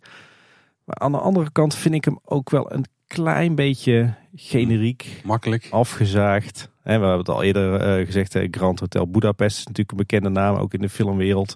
We krijgen een Grand Circus Balancé. Je hebt overal Grand Hotels in de wereld. Ik snap het inderdaad wel. Het voelt een beetje makkelijk, hè? want het is bijna een beschrijving van het gebouw zelf. Ja. Kijk, als we dan kijken bijvoorbeeld naar de eh, resorts van eh Europa Park, om maar eens iets erbij te nemen, waar de Efteling nog wel eens een beetje, eh, nou in ieder geval, wat veel mensen aanhalen als een, een park waar ze ook wel van houden. Daar hebben de resorts allemaal een thematische naam. Ja. Je hebt geen Europa Park Hotel of iets wat daarop lijkt. Het zijn allemaal, Dat großes Europa Park Hotel. nou dat zegt hem, eigenlijk zonde dat ze dat niet hebben. ja, precies. maar het- daar zijn het allemaal meer gethematiseerde namen. En zo is dat toch wel bij de Efteling ook verwacht. Ja. ja, en wat ik ook vooral verwacht is straks verwarring. Hè? Want je hebt straks een Efteling Hotel en een Efteling Grand Hotel. Dat lijkt ook wel heel erg op elkaar, hè? We hebben ook een Loonse Land Hotel. Ja. Dat is ook niet super inspiratievol. Nee, en dat is ook weer niet heel erg eh, eh, internationaal. Want ik heb laatst een De aantal mensen Loungeland Hotel horen zeggen. Nee, ja, wat, wat moet je er dan mee? Ja, ik heb zitten denken, had, had het dan misschien het Jugendstil Hotel moeten noemen? Of eh, Mm. Hotel Art Nouveau? Of Mm. ja, Nou oké, er zijn ook niet betere suggesties hoor. nee, nee. Dus ik, ik moet zeggen, ja, ik, aan de ene kant snap ik hem. eh, Aqua Vista jongen. Want je hebt uitzicht over Aquanura. Aqua Vista, potverdikkie. Als we het toch over slechte naam hebben. Nou, ik, de- ik denk dat daar inderdaad eh, misschien best nog wel een originelere en meer onderscheidende naam voor eh, te bedenken is. Ja, Ja, de- het Slaolie Hotel, hè? Ja, dat is ook een, zeker een goede naam. Ja, ja. ja, ja. Of het Dwarrelplein Hotel, Paul. Hmm. Dat is ook niet helemaal, hè? Maar ik deel jouw mening wel. Ja, het is misschien iets te makkelijk. Het is wel heel omschrijvend. Ja, da- daar kan ik een soort van kracht van uitstralen. Maar ik denk dat het bij de Efteling wel had gepast als het een mooi thematische naam had gehad. Maar dat had ook wel een echte thema moeten hebben. Eh, en dan, dan, ja, weet je wel. Ik een van de meest geniale namen in de Efteling vind ik eigenlijk nog steeds wel eh, die van eh, Gustav Hoogmoed. En dan met name zijn achternaam. Natuurlijk van de uitdrukking Hoogmoed komt voor de val. Want daar, ja, weet je wel, da- dan, dan heb je toch iets gepakt uit het verhaal, zeg maar. Maar het ligt er niet te dik bovenop. Maar als je er eh, twee stappen over nadenkt, dan toch wel. Dus misschien zoiets met het hotel ook altijd kunnen Ja. uitvogelen. Efteling heeft van meer geniale namen, hè? Denk eh, Fata Morgana, denk Villa Volta, Halve Maan. Ze zijn er ook allemaal bij gaan horen natuurlijk. Dus wat dat betreft eh, helpt dat wel Ja, voor, ja. Ons, eh, voor onze binding met die naam. Nou, Ik denk dat het enige serieuze probleem wat ze gaan krijgen, dat het is dat mensen eh, een, een kamer boeken in het Efteling Hotel of in het Efteling Grand Hotel en dat ze bij het verkeerde hotel staan. Omdat het onderscheid gewoon eh, niet groot genoeg is. Niet grand genoeg. Voilà. Zo. En door naar de volgende. Ja, we kregen ook een, eh, een mail van Ruud van Broekhoven. En die had een leuke vraag, Tim. En eh, hij had hem vooral ook heel leuk omschreven. Beste mannen van Kleine Boodschap. Als Limburgers willen we graag alles uit een dagje Efteling halen. En slenteren we dan meestal als een van de laatste uit het park. Als we s'morgens van de parkeerplaats naar de ingang lopen, horen we naast de Efteling muziek ook de vogeltjes. Het valt ons op dat we dit vaker op een dag horen. Niet gek, want Efteling heeft heel veel dieren in het park. Dus ook een aflevering waard, zegt hij. Dus naast Jeroen, daar hebben we de pauw weer, kunnen we ook genieten van de vissen, de ganzen en de zwanen, maar ook van fluitende vogeltjes. En daar komt nu net onze discussie. Mijn vrouw denkt dat Efteling gebruik maakt van vogelgeluiden, dus geen echte vogels. En ze gebruikt een logische reden. Als we weggaan is het donker en dan fluiten de vogels niet. Maar mijn mening is dat vogels ook best in het donker of in de schemer kunnen fluiten, omdat ze geen rust hebben als er veel bezoekers langskomen. Kennen jullie deze discussie en kunnen jullie aangeven of er daadwerkelijk een effect met vogelgeluiden wordt gebruikt? Of heeft Kaatsheuvel gewoon heel wakkere vogels? Groeten, Ruud. Ik vind het wel heel gevaarlijk als een echtelijke ruzie via ons wordt uitgevochten, Paul. Dat is ook niet de manier hoe het zou moeten, ja. Maar het is ook wel heel duur om er een advocaat of zo bij te gaan halen. Dus misschien moeten wij toch maar doorslag eh, of uitsluiter geven in dit geval. Ja, nou volgens mij is het sowieso zo dat je ook eh, een hoop vogels hebt die gewoon in het donker fluiten. Hoor. Want eh, ik ben nogal eens heel vroeg wakker en ook nogal eens heel vroeg buiten. En eh, dan word ik toch vaak al wel omringd door echte vogeltjes. Ook geen eh, vogelband bij jou misschien in de buurt? Nee, ik denk niet dat niemand in onze buurt eh, eh, speakers heeft hangen waar vogelgeluiden Ja, je weet het niet. Misschien een, eh, een radiotechnieman van eh, de Efteling die naast jou woont? Nee. Oké. ik, ik zag hem even denken, dames en heren. ja, ik moest, ging even het rijtje af in mijn hoofd. Maar eh, ja, nee, eh, volgens mij hoor je echt echte vogels. Alhoewel, er zijn wel een paar plekken in Efteling waar je eh, kunstmatige vogelgeluiden hoort. Ja. ja, en dat moet ik weten. Maar ik kom niet heel veel verder dan Droomvlucht of zo. Maar... Mm, die had ik dan niet mee, eh, mee geteld. Ja, in het buitengebied bedoel jij? neem ik ja, precies. Ik weet dat het op een plek is. Of in ieder geval op één plek. Maar ik zou hem zo niet op kunnen dreunen. Nou, eh, het- ik denk de belangrijkste plek waar we kunstmatige vogelgeluiden horen in de Efteling is toch wel het Lavelaar. Er hangen namelijk een aantal vogelhuisjes verstopt in het, eh, in het dorpje. Eh, althans, het, het ziet eruit als vogelhuisjes, maar het zijn eigenlijk speakers. Dat hebben we in onze audiotour natuurlijk besproken. Ja, ja, ja. Ja, ja, ja. En recent eh, heeft René Merkelbach ook op een aantal plekken vogelgeluiden toegevoegd aan de soundscape. Namelijk bij de Zes Zwanen De horen we ook echt zwanen overvliegen. En bij Archipel horen we kunstmatige meeuwen. Oh ja. En bij Pinocchio ook dan natuurlijk. Ja. Ja, oké, maar dan ligt het er wel dik bovenop. Ja, bij de zes zwanen misschien nog het minste. Daar zijn ze ook wel thematisch erin gebakken. Ja.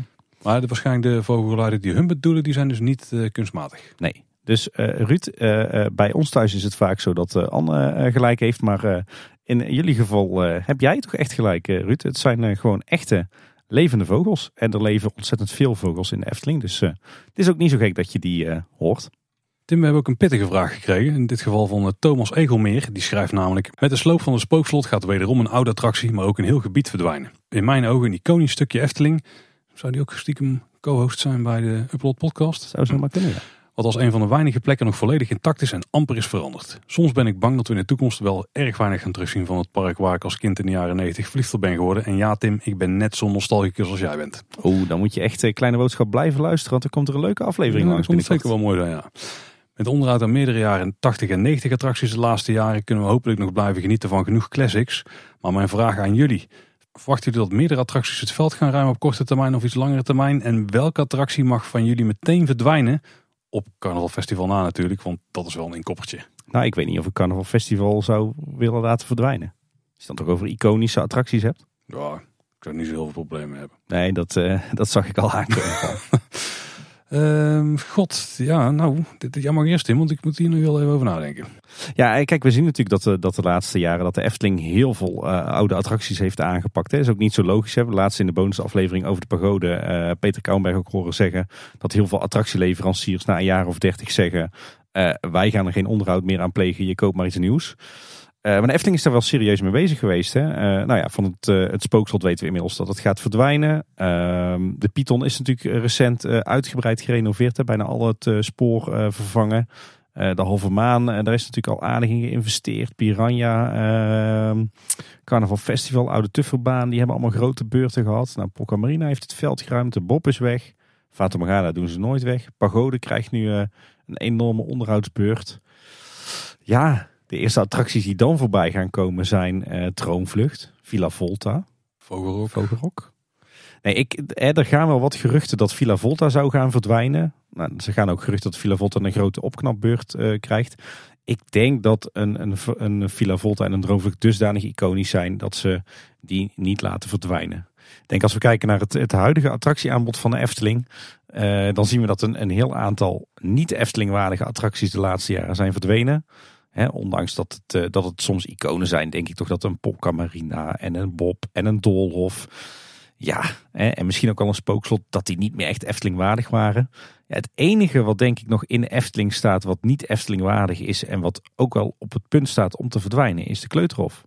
De speeltuin uh, achter het café-restaurant. Ja. Daar weten we natuurlijk van dat die weggaat als, uh, als reisrijk wordt uitgebreid en we daar Grand Circus Balancé krijgen. Daar gaan we ook niks aan missen. Maar ik, ja, ik vermoed en ik hoop en ik denk dat dat het enige is wat nog gaat verdwijnen uit het park. Nou, er is één deel jaren tachtig wat ik nog wel zie verdwijnen op termijn. Misschien ook wel een stiekem een beetje hoop. En dat is dan toch Python. Want ja? Ja, de lifthill daarvan en zo, dat is natuurlijk nog een stukje jaren tachtig. Ah, ja. dus dat daar mee. Ja, maar dat is van het rijtje, want als, we, als er één attractie die meteen mag verdwijnen, dat is de vraag die je natuurlijk stelde. Eh, dan, dan, dan, dan een wat grotere attractie, dan denk ik toch dat ik daarvoor zou gaan. Ondanks dat hij al voor een deel vervangen is. Want ja, het is ook een discussie die we al vaker hebben gehad. Of niet een discussie, want volgens mij zijn we het daar wel over eens. Want de Python is gewoon niet meer de uitdagende baan die die vroeger was. Natuurlijk, die, die paar keer dat je over de kop gaat is voor kinderen heel spannend. Maar de bron die vervult die taken misschien nog wel beter dan de Python ooit heeft gedaan. En ja, weet je wel, als je eigenlijk om zeg maar, de sfeer of, of de, een beetje de, de hype rond de Python weer terug te krijgen, moet je daar gewoon echt een hele spectaculaire baan neerzetten. En dan kom je er gewoon niet meer met het standaard uh, Rollercoaster Tycoon bouwpakketje van drie uh, ja, interessante onderdelen achter elkaar die dan de baan vormen, zeg maar. Dat, dat doet het gewoon niet meer bij mensen. En dat kan niet wel iconisch zijn, maar ja, ik denk dat over een jaar of twintig dat al die waarde gewoon verloren is. Want dan is het gewoon een van de sufste banen in het park die er nog staat, die je misschien in je jeugd een keer hebt gedaan. Maar de binding die wij nog hadden vanuit onze jeugd met de Python, die heeft dan bijna niemand meer. Dus ik denk dat, ik denk dat, dat op termijn, die, maar dat is dan wel de iets langere termijn, hem gewoon gaan zien verdwijnen. En dat er iets... Uh, spectaculairs en echt vervangingswaardigs voor terugkomt, als dat een term is. Ja. ja, ik snap wat je zegt, maar ik denk dat het uh, echt de komende uh, 20, 30 jaar niet gaat gebeuren hoor. Naar, uh, naar de complete herbouw van de baan met uitzondering van de lifthill. Nee, dat is echt een enorme desinvestering. Ik, uh, ik verwacht dat ze de Python nog wel een paar decennia laten staan. Ik ga voor max 20. Oké. Okay. Nou, wat mij betreft kleuterhof opruimen en dan is het wat mij betreft prima. Het kleuterhof mag achter elkaar weg. Ja. Liever gisteren dan vandaag. Ik stel nog even te, te twijfelen over de gondoletta. Is natuurlijk ook vrij oud. Neemt natuurlijk enorm veel ruimte in beslag. Maar er is ook al heel veel in geïnvesteerd aan onderhoud de laatste jaren. Dus... Ja, ja, maar dat is niet om het bedrijf zekerder te maken. Dat is gewoon onderhoud dat nodig is om te laten draaien. Nou, de hele draaischijf is nog volledig vervangen. Is die vervangen? Is ja, nu ja, ja. ja oké. Maar, ja, maar het kabelsysteem natuurlijk, dat is gewoon nog steeds hetzelfde als in de jaren 80. Maar die, die, die mag voor mij wel blijven. Ja, voor mij ook. Ik hoop dat de Efteling niet, niet toegaat naar een concept als wat je bijvoorbeeld bij een Fantasieland ziet. Dat er op een gegeven moment alleen nog maar achtbanen en, en dark rides zijn. Ik hoop dat ze juist ook al die, uh, die, die infills en, en rustigere attracties voor de hele familie behouden. Dus nee, wat, ik hoop dat de gondoletta uh, ook blijft bestaan. Net zoals alle, alle andere attracties die we uh, op dit moment nog hebben. Zullen we de volgende doen? Ik ja. zit er helemaal in. We kregen ook nog een, een, vraag, die is iets zwaarder Tim, maar wel goed om een keer te bespreken denk ik. Die kregen van Jesse en die schrijft, ik ben toch benieuwd of mensen zich hierin herkennen. Ken je dat, dat jouw liefde voor pretparken door je omgeving niet geaccepteerd wordt, laat staan door je ouders? Ik heb er wekelijks thuis ruzie over en ik vraag me soms echt af waarom er zo'n groot taboe op pretparkfans is. Ja, ik denk dat dat iets typisch Nederlands is. Ik denk dat, dat uh, nog aardig wat mensen in Nederland van de gedachte zijn, uh, doe maar gewoon, dan doe je al gek genoeg. En het is vooral belangrijk dat je, dat je normaal bent en dat je erbij hoort. en dat is wat mij betreft een heel verwerpelijk stukje typisch Nederlandse cultuur. want ik denk dat het, het, gewoon ontzettend belangrijk is dat jij gewoon lekker jezelf bent en, en geniet van de dingen waar je graag van wil genieten. en dat je je vooral niet druk moet maken om wat anderen daarvan vinden. Daar ben ik het sowieso helemaal mee eens, Tim. Maar ook als je er rationeel naar gaat kijken, is er echt helemaal geen enkele reden om je voor jouw liefde voor pretparken te schamen. Want ik kan me voorstellen dat het thuis dan misschien zo'n zo'n sfeertje is van... Hè, je bent bezig met die pretparken, maar er zit er helemaal geen toekomst in of zo, weet je wel. Uh, ga, uh, weet je veel, uh, wiskunde sommen maken of zo. ik heb geen idee wat ouders tegenwoordig zeggen. Daar moet ik nog aan gewennen, denk ik, de komende jaren. Maar in het pretpark is ook echt een schitterende toekomst voor iedereen te vinden. Er zijn superveel carrièrepaden in pretparken. We zijn in Nederland echt gezegend met bergen pretparken. Echt in iedere hoek van het land zit alleen. Je hoeft echt niet in de buurt van Kaatsheuvel te wonen om in een pretpark te gaan werken. En je kunt daar gewoon heel veel doen. Wil wij halen wekelijks de twee wekelijks dan de vacatures aan. Echt voor iedere uh, studierichting zijn er gewoon vacatures bij alleen al de Efteling te vinden. Laat staan nog in de rest van het, van het land waar gewoon nog, nog vijf keer meer pretparkvacatures zijn. Of, of leisure uh, nou, nou laten we pretpark vacatures houden, want de leisure is nog veel groter. Ja, dus dan wordt het ook breder. Ja, ja en, en een pretpark is ook zoveel meer dan, dan, dan plat vermaak en attracties. Hè. Het is ook vaak uh, enorm veel historie. Het is groen, het is techniek, het is kunst. Uh, het, het, is, Veiligheid. gastronomie, ja, entertainment, de show. Ja. Er zijn honderd, nou, er zijn duizenden, er zijn miljoenen redenen om pretparkliefhebber te zijn. En daar is echt helemaal niks mis mee waarom zo'n grote boeder is, ja, inderdaad, dat heb jij net al haarfijn uitgelegd, Tim. Ik kan echt wel een keer terugkoppelen dat als het om toekomstperspectief gaat, dat er in het pretpark echt enorm veel is. En de mooie is, je kunt er al als een van je eerste baantjes gaan werken. Ja. En je kunt vanaf daar, er zijn legio voorbeelden van. Sander de Bruin is een hele mooie, Jeroen Vrij is een hele mooie. Je kunt gewoon beginnen op pretpark op ieder punt en dan uiteindelijk toch je droom najagen en op een hele toffe plek terechtkomen.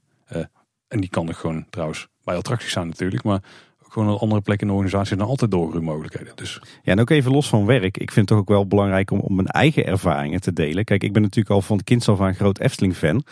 Uh, en, en ik denk dat ik wel wat ervaring heb waar, waar bijvoorbeeld jij, Jesse, uh, misschien nog wel wat van, uh, van kon opsteken.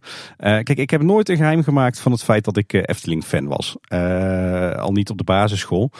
En uh, dat was niet makkelijk, want uh, zeker toen ik uh, nog kind was, tiener, twintiger, toen was het ook nog wel echt een gedachte van je moet er vooral bij horen, weet je wel. maar ik heb er nooit een geheim van ge gemaakt. Ik heb het nooit echt heel erg naar mijn zin gehad op de basisschool of, of aan het begin van de middelbare school. Maar juist mijn liefde voor de Efteling heeft mij daar wel echt doorheen geholpen. Uh, en ik kwam er al gauw achter, zeker toen ik ook meer uh, Efteling-fans en pretpark-fans leerde kennen, uh, dat, je, nou, dat eigenlijk gewoon het beste wat je kan doen is, is gewoon lekker jezelf zijn. En lekker open en eerlijk zijn over jouw liefde voor de Efteling of voor pretparken. want weet je wat het is? Als jij daar gewoon zelfverzekerd over bent, je doet gewoon lekker je ding, je doet waar je blij van wordt en, en je uit dat ook, dan accepteren mensen dat ook veel sneller. Ben gewoon jezelf. Schaam je absoluut niet voor jouw liefde voor de Efteling. En uh, je zult zien dat het, uh, dat het veel makkelijker wordt en dat je er ook veel meer van kan genieten. Um, in Amerika roepen ze ook wel eens: if you go different, go big. En mijn ervaring is ook echt. Ik ben zelf altijd heel erg open geweest over mijn, mijn, mijn liefde voor de Efteling. En dat heeft eigenlijk altijd uiteindelijk een positieve uitwerking gehad. En ik zie dat nu nog steeds. Ik, ik, maak ook op mijn huidige werk geen geheim van mijn liefde voor de Efteling. Ook niet van de podcast. Ik post er ook geregeld over op LinkedIn. En het grappige is dat als je bijvoorbeeld een zakelijk contact hebt, dat eigenlijk altijd de eerste vragen die worden gesteld helemaal niet over mijn functie als projectleider bij de gemeente gaan. Maar iedereen die ik spreek, het gaat altijd eerst over de Efteling. Het gaat altijd eerst over de podcast. En ja, op de een of andere manier vinden mensen het juist super leuk en super interessant als jij een, een onderscheidende hobby hebt. Uh, en ik kan ook uit ervaring vertellen, als je echt lekker jezelf bent, dan zit je ook veel lekkerder in jezelf en dan, of in je vel en dan geniet je ook veel meer van het leven. Dus ben je gewoon jezelf en met overtuiging. Tim, dit is echt goud advies. En daaraan toevoegend, ik denk als jij um, echt liefhebber bent van iets, dan mag het Efteling zo ook echt iets compleet anders zien. Als je met like-minded mensen bent, dan heb je de beste tijd van je leven. Zeker. Dat was bij mij wel echt een, eh, een life-changing event toen ik een jaar of veertien was. En ik uh, voor het eerst andere Efteling-liefhebbers leren kennen. Nou, toen uh, moet ik zeggen dat mijn, uh, mijn geluksgevoel wel echt een flinke vlucht nam. Tim, eens even door naar een hele simpele vraag. Die kregen we van Mitch. En die vraagt... Noem hem maar simpel. Hij is heel kort vooral, maar ik vind hem niet simpel.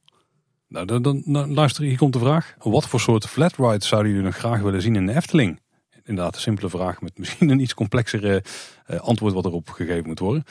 Want ik, ik heb hier best wel moeite mee. Er zijn wel een paar opties die ik zie zitten. Maar het is ook misschien wel een beetje de vorm uh, waar, het dan, uh, waar het dan om gaat. Um, want ja, even voor flatride is natuurlijk een, een vrij simpele uh, ride type die je ook makkelijk kunt verplaatsen. Daar komt ook een beetje de naam vandaan natuurlijk. Hè. Vlakke ondergrond kan niet opstaan, dus dan kun je hem ook weer ergens anders niet knikkeren. Oftewel, een kermisattractie.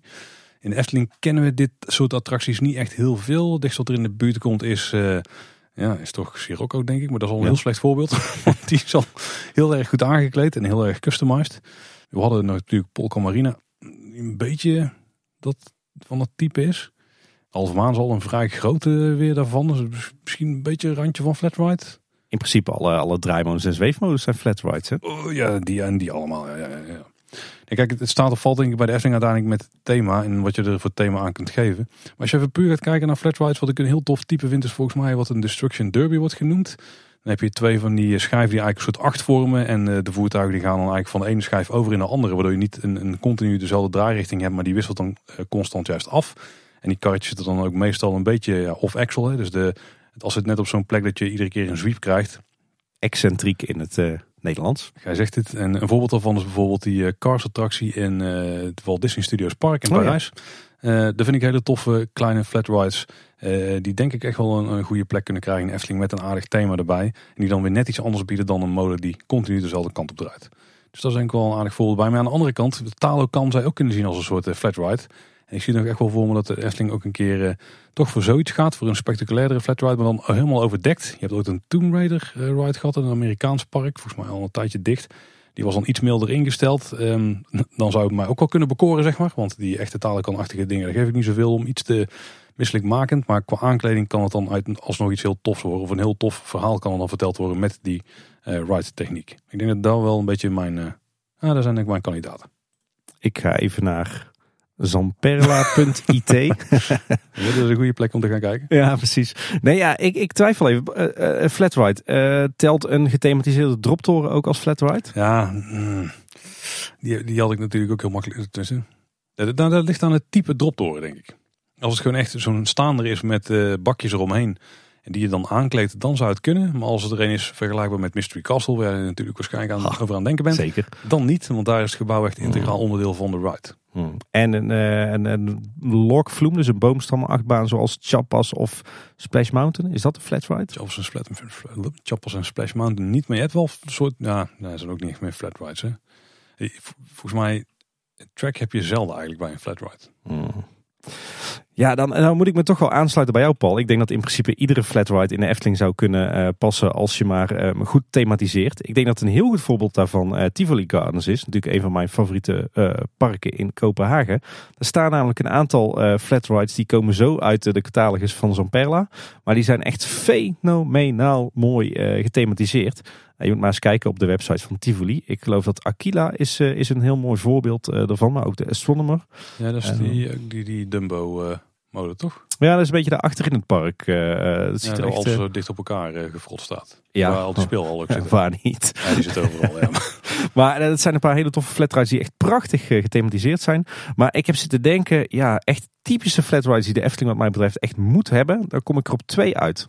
Kijken of jij een gokje kan maken. Ja, nou, eentje denk ik wel. Als, ik weet niet hoe dat ding heet, maar dat is zo'n ouderwetse draaimode die als zo'n kikker een beetje hopt. Ik weet niet wat de originele naam is. Ja, daar zat ik niet aan te denken, oh, maar dat oh, zou ook kunnen. Oh. Ja, wat mij betreft mogen ze de hele nostalgische kermis uh, in de Efteling zetten. Ja, maar dan ben ik wel getriggerd, Tim. Ja. Dan, ik denk niet dat ik ze dan ga raden, want dat is het enige ik bij jou eigenlijk, aan zat te denken. Ja, nee, het zijn de twee toch vrij, uh, vrij overduidelijk. Ik wil echt heel graag een reuzenradje in de Efteling. Oh ja, ja. ja dat een beetje ja. model mini-reuzenrad. Dus niet, niet zo'n grote joekel zoals we in heel veel grote steden zien. Maar echt zo'n nostalgisch mini-reuzenrad. Zoals we dat ook uh, volgens mij één jaartje in de winter Efteling hebben gehad op de Beierse Markt. Dat is een flat ride. Absoluut goed gekeurd, ja. Ja, ja misschien een maatje groter hoor dan dat. Maar, nee, zeker, niet, zeker niet het formaat wat we in uh, zo'n beetje ieder ander pretpark vinden. Ja, en natuurlijk de cakewalk hè, of het, het funhouse. Ja, is een ride. Hij is wel flat, maar... Ja, absoluut. Hij kan wel rijden, want er zit vaak een, een onderstel onder dat ze hem kunnen verplaatsen. Dus wat dat betreft is het een soort van ride. Ja, ja, ja. er zijn een paar mooie voorbeelden. Natuurlijk Hotel Tartuffe, dat is een vrij moderne variant in Fantasieland. En in Tivoli Gardens heb je ook Funhouse, je hebt Villa Fiasco in Toverland.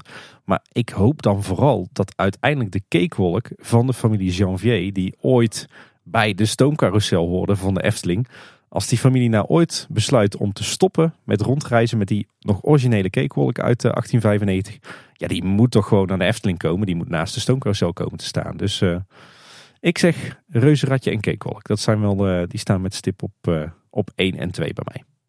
Dan nog een vraag van Rick Overeem. Benieuwd wat de heren van Kleine Boodschap ervan vinden. De Kleine Klaroen houden een huidige staat of meer thema geven? Ik zeg huidige staat. Ik zou ook niet echt weten hoe je daar meer thema aan moet geven. Want dan moet je het bijna om gaan katten tot een soort sprookje. Ja. Ik denk dat het zo wel prima is eigenlijk. Ja, en ik denk dat we ook moeten uitkijken dat we het hier niet in doorslaan. Hè? Ik bedoel, de, de, Efteling en, en heel veel eigenlijk zo'n beetje alle themaparken. Uh, die, wil de laatste jaren natuurlijk alles volle bak in thema hebben. Maar soms is een schattig, nostalgisch klein winkeltje op een plein is ook gewoon dat wat het is. Hè? Ik, je kent natuurlijk wel die anekdote dat uh, Tom van der Ven ooit een bankje tekende in een bloemvorm. En dat Anton Pieck een bestraffend toespraak van het is een bankje. Teken uh, twee sokkeltjes met een plank erop en je hebt een bankje. Dus nee, ik, ik zou het verschrikkelijk vinden als, uh, als de kleine Klaroen meer thema krijgt. Uh, uh, het is juist, denk ik, die terughoudendheid en die ingetogenheid wat echt Eftelings is. Er hoeft niet altijd een heel decor of tierenlantijntjes of nou, opsmuk bij. Laat het gewoon zijn wat het is. Gewoon een schattig, passend, thematisch gebouwtje. Ja, nou, prima. Ja. En dan de laatste, een mail van Alexander kregen wij. En die schreef na de, naar mijn inziens, succesvolle samenwerking met Fabula. En de geruchten dat het nieuwe spookslot een op media gebaseerde ride wordt. Hoe tof zou het zijn als Aardman het mediagedeelte voor zijn rekening zou nemen. Ik denk dan aan een kruising tussen Disney's Nightmare Before Christmas en de Aardman Claymation films. Wat denken jullie? Leuk idee? Realistisch? Nou, ik uh, denk eigenlijk dat het best realistisch is. Volgens mij smaakte de samenwerking tussen Aardman en de Efteling uh, wel naar meer. Weet ik niet of dat het dan de stijl zou moeten zijn van Disney's Nightmare Before Christmas of uh, de Claymation films van Aardman. Maar ik denk dat als media gegenereerd moet worden voor de Efteling, in welk thema dan ook, dat Aardman een van de betere partijen is in Europa om dat te kunnen realiseren. Ja, en volgens mij, hè, we hebben bij de opening van Fabio ook uitgebreid gesproken met onder meer Aardman zelf en met uh, Jeroen Verheij. En volgens mij verliep de samenwerking tussen Aardman en Efteling ontzettend goed. Zeker ook omdat Aardman echt niet uh, zo arrogant is dat ze zeggen...